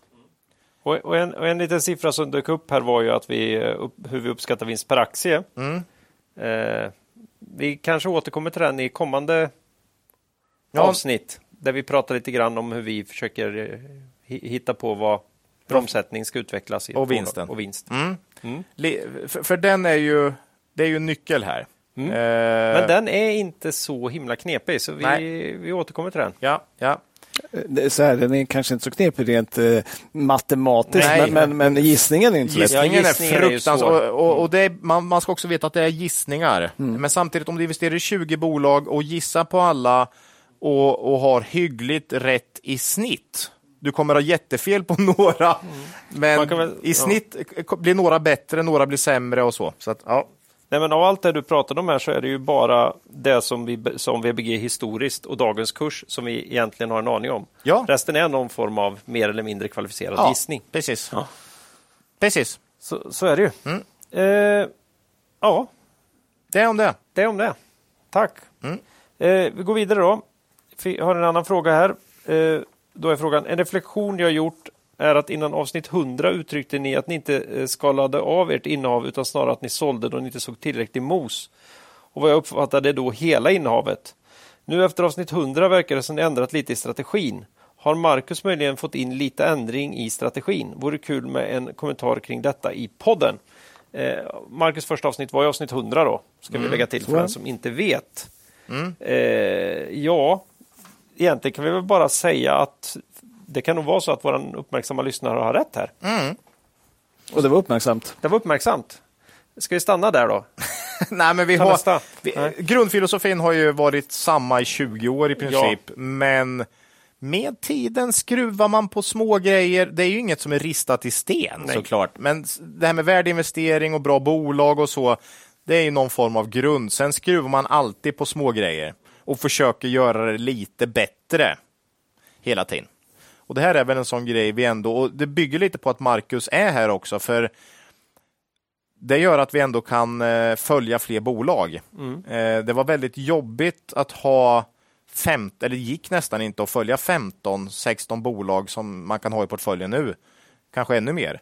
Och, och, vi hade liksom ett behov av att kunna släppa ett innehav när vi skulle börja fokusera på nya. Ja, för annars... Men nu kan någon ägna sig åt att skala ur ja. och vi delar på det så ja. kan, kan någon annan sätta sig och... Så det har mycket att göra med att nytt. Marcus är här. Dels för att vi kan följa mer, dels för att Marcus också kan jobba med att skala.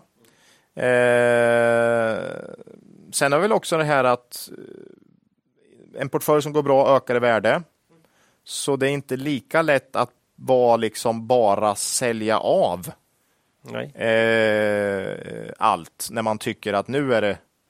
Utan det, man får liksom skala ut om man inte vill påverka kurser och så på samma sätt. Då. Och vi brukar sällan ha, det är inte så att man har jättebråttom ändå, liksom, utan skalar du på grund av värdering, ja, då har det ju inte hänt något i bolaget. Det enda som är att eh, det börjar närma sig sitt, vårat motiverade värde och det kan ju stå 20 procent högre i någon annans Excel-ark. Eh, eller hur? Och det är väl lite så att kommer det ny information så är det mm. mer bråttom att gå ut, precis ja. som du säger. Medan ja. om det bara är värdering så är det mm. inte riktigt lika bråttom. Ja. Och, och, tar du ner storleken på positionen så minskar ju risken lite grann. Ja. Eh, fast att kursen har gått upp och mosen är lite mindre. Det är väl lite där kanske också. Ja. Så är det. Så man kan vara med lite längre upp då kanske man säger. Ja, Nej, men så det, det, det stämmer får man väl säga här då. Ja. Lyssnaren har... Och vi har betydligt mer kapital av olika orsaker. Så att ja. det är också så att vi inte riktigt kan, som du sa, vi kan inte röra oss så snabbfotat som vi kunde förr. Nej, nej. Så är det ju definitivt. Mm. Ja, så uppmärksammat. Ja. Eh, då tar vi en annan fråga. Mm. Eh, hur resonerar ni generellt i sådana situationer när ett bolag kommer från ett starkt jämförelse, eh, föregående kvartal men ett svagt jämförelsekvartal? Då kan de få en nedgång sekventiellt men en uppgång från förra året. Mm. Väldigt specifik fråga. Ja, väldigt. Men ganska bra också. för den är lite lurig. För, för, det vi har sett på kort sikt är att medias rapportering har ganska stor betydelse. Eh, vad, vad, man skriver om bolagen för hur det går på rapporten. Det har vi sett många exempel av. Eh, och kommer media i en sån här situation skriva att, om vinstökning från förra året eller ska man skriva att det är en vinstminskning från förra kvartalet? Ja. Det, det är inte så lätt att veta. Nej, men nästan alltid man ser media så är det Byggmax vänder till förlust. Ja. Eh, och då är det ju jämfört med samma kvartal tid, förra året. Det brukar ju vara det. Det brukar vara det och framförallt är det väldigt viktigt i säsongsbolag. Mm. Annars blir det väldigt konstigt. Men, men medias rapportering har... Den har betydelse. Ja. Och, och här är ju sentiment en ganska viktig faktor. Mm. Vi har ju sagt det här med att ingenting är så viktigt, ändra sentimentet så mycket som priset. Nej. När ett bolag har gått väldigt dåligt ett tag, då fokuserar alla på det dåliga. Och det är media människor de också. De fokuserar då på vad det är som går dåligt. Det måste ja. ju vara något jättekast med det här bolaget för kursen är 50 procent. Mm. Då hittar vi någonting i rapporten som är ganska dåligt ändå. Ja. Medan när det, allting går jättebra och bolaget ser fantastiskt ut, då är det lätt att fokusera på, på de bra sakerna. Mm. Och då blir både rapporteringen och hela sentimentet kring bolaget på ett annat sätt. Så att säga. Ja. Eh, sen är ju den som är långsiktig, han kan ju strunta i det här. Ja. Han ska ju bara se, är det långa caset intakt? Ja, ja eller nej? Mm. Eh, och så kan han vara kvar. Ja. Eh, det, är, ju, det är ju det som är skönt. Vi var inne på buy and hold där förut. Då, ja. man, man, då är det bara, spelar ingen roll. Exakt så. Nej. Och vill man vara, som vi sa, lite mer aktiv i buy and hold ändå, är något som faller ur ramarna helt. Ja, då kan man ju sälja om något som oj, det här är något helt annat. Det verkar inte funka nej, alls. Liksom. Men, men generellt sett så kan man strunta i ja. kortsiktigt brus. Men, men, men, vi är ju lite mer aktiva än så. Mm. Så för oss spelar det lite roll. Mm. Eh, och, och, då får man ju försöka liksom, utbena det här. Är det, liksom, vilken kommer väga tyngst? Mm. Eh, och som du sa, säsongsvariationer är jätteviktiga också. Ja. Ja, men ta Byggmax, tjäna i princip alla pengar på sommaren. Mm. Skistar alla pengar på vintern. Ja. Eh, då, då, kan man inte jämföra sekventiellt såklart. Nej, det går inte. Utan måste gå föregående år. Ja. Eh, så man måste titta på, på säsongsmönster. Mm. Eh, Sen är vår känsla kanske att eh, marknaden eh, ja, har lite svårt med, med säsongsmönster ibland. Mm. Eh, vi, har noterat eh, liksom, Byggmax har en tendens att eh, gå ner på, på rapporter på, på vintern när man mm. normalt inte tjänar pengar ändå eh, och, och Skistar tvärtom. Mm. Eh, så vi tycker marknaden ibland liksom inte är så smart här. Nej, det är som att man inte orkar vänta till nästa säsong. Liksom. Ja. Lite så. Så, så vissa bolag får överdrivet mycket betalt på även de positiva starka säsongsmånaderna så att Ja, säga. ja. Eh, Och tvärtom. Mm. Eh, Så det tycker vi marknaden inte alls är så smart. Och här tror vi mediesrapporteringen kanske kan påverka en del. Det blir ju rekordvinst då såklart. Ja. Eller jätteökning eller liksom, när det är positivt. Och, och så. så svaret blir ju lite tråkigt att det beror ju lite på här Mm. eh, hur, hur, vi skulle, hur vi skulle se på det här bolaget. För, för vi, det beror på vil- kanske vilken trend man är inne i, hur man tror att det kommer tas emot, vad det beror på. Men ska man vara säker ska man försöka hitta någon som växer både sekventiellt och från föregående Ja, det är ju det bästa man kan hitta där hela tiden. Men, men det blir mer intressant för spelbolag kanske, eller ja, men många av de här mobilspelsföretagen eller eh, speltillverkare eller något sånt. De, har ju, de, de jämförs ju ganska ofta sekventiellt. För det är på något sätt lite tillväxt kontinuerligt och det är inte jättestora säsongsmönster kanske. Och det kan vara nya produkter som har kommit som man vill se hur de sekventiellt går. Ja, så då blir det Eh, väldigt viktigt. Samtidigt vet vi att även spelandet har säsongsmönster. Så att, eh, mm. Men, men så, så, så vill man göra lätt för sig, försök hitta bolag som kommer öka vinsten både. och, och, och Ja, det, är fan inte lätt just i dagsläget när Nej. mång, många bolag ser ut att tappa vinst. Och, och så är det ju, det, det beror ju på lite vilken konjunktur man är inne i. Men, Ja. men, men det är ändå tusen bolag där ute, så om man ska hålla på med någon sorts eh, Ja. spekulationshandel inför rapporter så kan man ju faktiskt välja de som, Ja. som är i den situationen, Ja. att man tror att det ser ut så. ja. Men det är ju som ni varit inne på, det är ju så viktigt att förstå att Mr Market är ju så galen så att är, är Mr Market deppig då, då tar den även till sådana här sjuka grejer även om det är alldeles uppenbart att det är fel att titta sekventiellt. Ja. Och är Mr Market glad, ja då kan han ju ta en sekventiell uppgång i Mm. eh, till, till, Q, till Q4 i eh, Skistar som något Ja. jättepositivt. Ja, men på något sätt kände, liksom, om vi tar Betsson som exempel, när, när den stod i 60 spänn, ganska hatad, och då var liksom, oh vilken kanonrapport läste man på morgonen här och sen, nej, aktien gick inte upp någonting. Nej, då var det någonting i rapporten som var liksom, nej, nej det här är dåliga intäkter eller det här är, kommer från, det är liksom, eh, det, det här är bara kasino eller, nej, liksom. Man får fokusera på risken helt Men enkelt. nu, det är samma.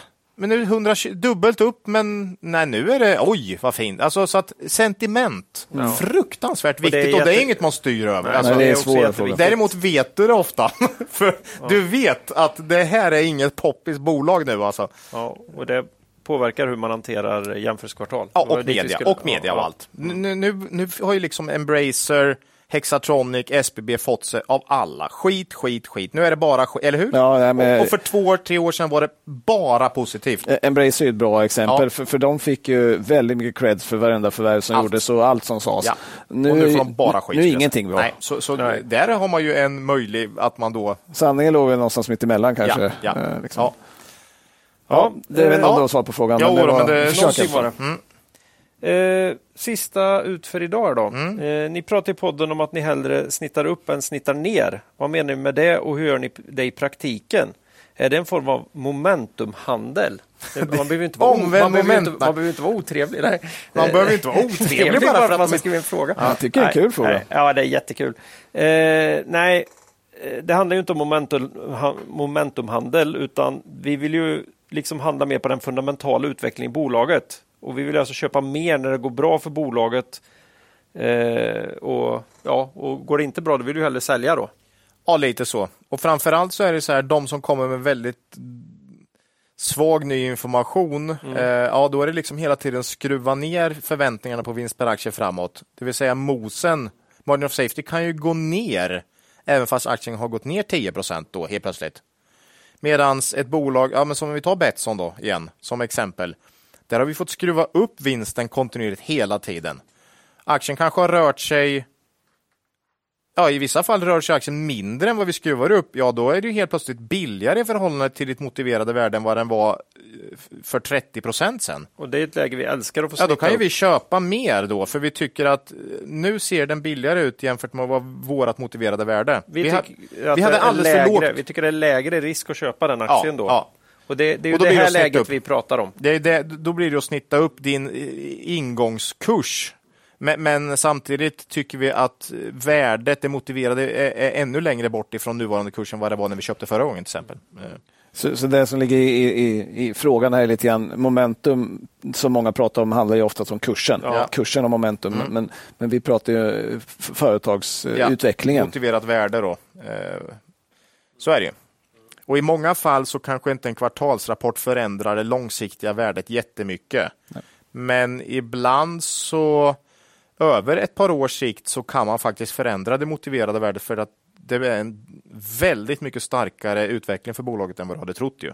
Ja, det, Eller förvärv som i Svedbergs, alltså många, eh, Kabe, ja. jättestort bra förvärv. Liksom, det hade ju varit jätteannorlunda motiverat värde eh, om de inte hade gjort det här förvärvet till exempel. Och det svänger ju en hel ja. del så att och, bolag kan vara lite cykliska och liksom, man måste ju se mm. till information som kommer. Så ja. Mm. ja. Men, men, det är lite, det kanske du skulle säga, men det är lite grann emot hur, hur en del mindre erfarna investerare gör på börsen. Mm. Och det har väl eh, någon av de här stora tänkarna sagt det här med att eh, man ska inte eh, rycka upp blommorna och vattna ogräset. Nej. Och det är lätt hänt. Ja. Man vill gärna ta hem en vinst. Det känns ju alltid bra. Ja. Och så och, köper man mer där som går dåligt. Ja. Det är billigt. Ja, för där har jag inte fått uh, min vinst än. Nej, snitta ner liksom. Men... Mm. Nej, för att jag vill ju inte förlora de här pengarna jag redan har satsat här. Nej. Så... Utan man vill ju att man, man, man eh, vattnar blommorna och eh, klipper bort ogräset. Ja. Men, men då kan någon säga, men, men ni säljer ju aktier när, när det har gått bra. Mm. Eh, även fast de är i positiv trend. Ja. För att ni har uppnått moment, ja, i, motiverade värde. Motiverade värde ja. Så att det inte har så mycket mos. Då brukar vi säga att vi kanske vi, vi, vi, vi vattnar inte ogräset då, men vi, vi, säljer, vi snittar blommorna om vi letar nya blommor. Precis. Vi får några andra istället. Ja. Men vi vattnar inte ogräs. Nej. Vi har ju den fördelen att vi förhoppningsvis har någon helt annan blomma och, och plantera ett litet frö. Mm. Jag hoppas det. Ja. Mm. Så det är väl lite det. Vattna ny blomma. Ja. ja. Uh, nej, men det viktigaste svaret på den var väl att nej, vi, vi agerar aldrig utifrån hur kursen rör sig, utan det har, det har på något sätt att göra med vad som händer i bolaget. Ja, mm. för det kan, ju skilja sig, det kan ju skilja sig ganska mycket hur kursen rör sig och vad som händer i bolaget. Så, som är bra, tycker vi, att ja. ibland. Det kan ge lägen också. Men, men det är inte det vi menar. Nej, men om vi tar, vi tar Betsson äh, ännu en gång. Det här förvärvet, de gick ner sa du ju. Ja. Vi höjde vårt motiverade värde ja. efter det här förvärvet. Ja. Lite grann. Mm. Jo. Men då var ju Mosen bättre. Kursen gick ner och... Mosen gick upp lite och vi köpte mer. Ja, då köpte vi mer aktier ja. också. Fan, fick vi snitta ner oss då? Ja, vi fick nej. snitta upp oss från ursprungs... ja, vi sa, ja, precis. Ja. Om vi säger så. Då. Nej, mm. eh, ja, nej. Luriga, luriga grejer. Nej, det är bra frågor. Ja, det är kul frågor tycker jag. Mm. Eh, men det var, det var de frågorna vi hade tänkt att ta i det här avsnittet. Ja. Och vi har hållit på länge nog nu kan man säga. Mm. Eh, så att det är ju dags för sluttampen. Nästa avsnitt här blir nummer 146, kommer ut torsdag den 6 juli. Då blir det en sommarintervju. Ja. Med ett spännande kvalitetsbolag och en förhoppningsvis intressant lyssnarfråga till. Då. Mm. Eh, och eh, man kan mejla oss på kontaktet eller kommentera på Twitter eller på vår hemsida kvalitetsaktiepodden.se. Eh, ja, det kan ta lite tid innan man får svar nu tänker jag, mm. när, vi, mm. när vi smiter här. Men, ja. eh, slutligen har vi någon riktig makro eller värd att ta upp idag? Nej, inte jag. Inte jag. Har du något, Ja, en liten grej här. Aha, aha. Det, det här uttrycket om att allting är relativt. Ja, jo. Du menar han eh, relativitetsteorin? Teorin, ja. Mm. ja. Min äldsta dotter då cyklar ju den gångna helgen Vätternrundan. Oj, det låter jobbigt va? Eh, och då tänker ni så här, gångna helgen, när? Borde jag inte precisera lite närmare när hon cyklar? Nej, utifrån den tid hon och hennes vänner tog tycker jag det är rimligare att beskriva som att stora delar av helgen togs i anspråk för det här kan jag säga. Oh, ja. okay. Jobbigt. Eh, jag har ju själv tröskat mig runt pölen två gånger, pre-pandemin då. Mm. Och då hade jag tider som ändå kraftigt avvek från tiden jag skulle ta och gå runt istället för att cykla. Mm. Nej, nej, nu är jag ju taskig här. Ja, ja. Eh, jag vill ju eh, mest retas lite om hon till äventyrs skulle råka lyssna på podden här. Då. Ja. Eh, jag är omåttligt stolt över henne och hennes prestation. Hon tog sig runt då redan som 18-åring utan att ha haft tid att träna speciellt mycket innan på grund av skola och eh, helgjobb. Eh, problemet som uppstått här ja. det är att de här elaka, elaka människorna bakom Vätternrundan och då har de haft ett svepskäl här som de säger är säkerhet för cyklisterna. De har alltså utökat rundan från 300 kilometer till 315 kilometer med en extra tripp upp till Askersund då, och ner tillbaka mot Motala via Zinkgruvan. Mm. Då missar man de här riktigt otäcka delarna av riks riksväg 50. Det har hänt en massa olyckor historiskt. Ah, okay. den, okay, vägen, de, den vägen åker jag ganska ofta. Mm. De, kanske har en, de kanske har en poäng här då. Va? Mm. Men men, Men mm. det gör ju nu då, som ni alla förstår, att dottern redan vid ett flertal, flertal tillfällen fått möjlighet att konstatera då, till exempel så här. Ja, pappa kanske inte var lika sliten som jag när han gick i mål, men han körde ju den korta rundan. Det är ju underbart. Och det här alltså. kommer ju bara eskalera det jag om. Det här är ju bara tre, tre dagar senare efter hon åkte. Ja. Alltså, och det är redan Det är uppe på redan en igång. handfull till. Ja, Ja. Du förstår. Ja. Och det här kommer att betyda att folk tror, på- med tiden tror att jag har typ kört halvvättern. Och jag vet ju precis vart det här leder. Jag kommer, det här kommer sluta med att en bitter 50-åring då, Ja. inom några år här, trots löfte om annat, åter står på startlinjen i Motala med lite för få mil i benen. Ja. Och så är det en 13 till 18 timmars smärta framför sig då. Ja, ja. Eh, Många andra tycker att det här kan lindras lite grann av den, bland den här håsade lasagnen i Jo.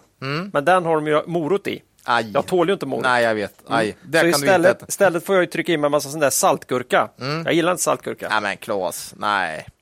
Det är Märd. tufft. Märd säger jag. Som fransmännen säger. Ja, nej. Ja, det blir Nej, jobbigt. Klas, jag, jag gissar att du kommer stå där och behöva traska runt de det, här. det hemska är att det här gör ju ont på riktigt. Ja, Det är ju ont på riktigt. Men, men du kan ju inte ha så att du har kommit undan med den lilla rundan. Nej, den Nej. lilla rundan. den korta rundan. Det är liksom, vem fanken fan. vill ha åkt den korta rundan? Nej, jag hoppas att de ändå har gjort det med den lilla baktanken också, arrangörerna här. Det är så snyggt, Att- alltså. Det är har, ju du, så har du snyggt. åkt den korta Ja, ja, ja, ja, ja, visst, visst. Fan.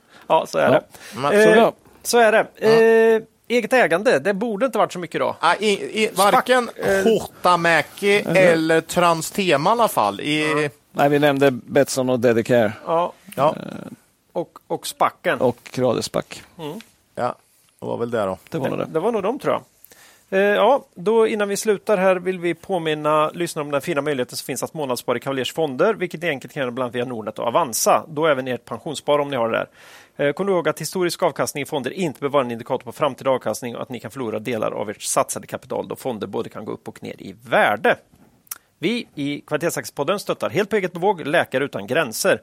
Organisationen startade 1971 av läkare och journalister som alltså att det behövdes en oberoende hjälporganisation som talade ut om övergrepp och missförhållanden och satte människor före politik. Idag arbetar Läkare utan gränser i över 70 länder runt om i världen med allt från medicinsk katastrofhjälp till att stärka barnhälsan i utvecklingsländer. Läs mer på läkareutangränser.se. Där kan du också se vad du kan göra för att stötta denna viktiga verksamhet. Ja, gillar ni badkläder när ni badar? Ja, det, Det tycker jag man ska ha faktiskt. Bada inte naken som vi Testa våra badbyxor, kan jag tycka. Länk finns i avsnittsbeskrivningen. Ja, och med det vill vi tacka alla lyssnare för denna gång och ber dem komma ihåg att Det är först när tidvattnet drar sig tillbaka som du får se vem som badat naken. Lose money for the firm and I will be understanding. Lose a shred of reputation for the firm and I will be ruthless. I welcome your questions.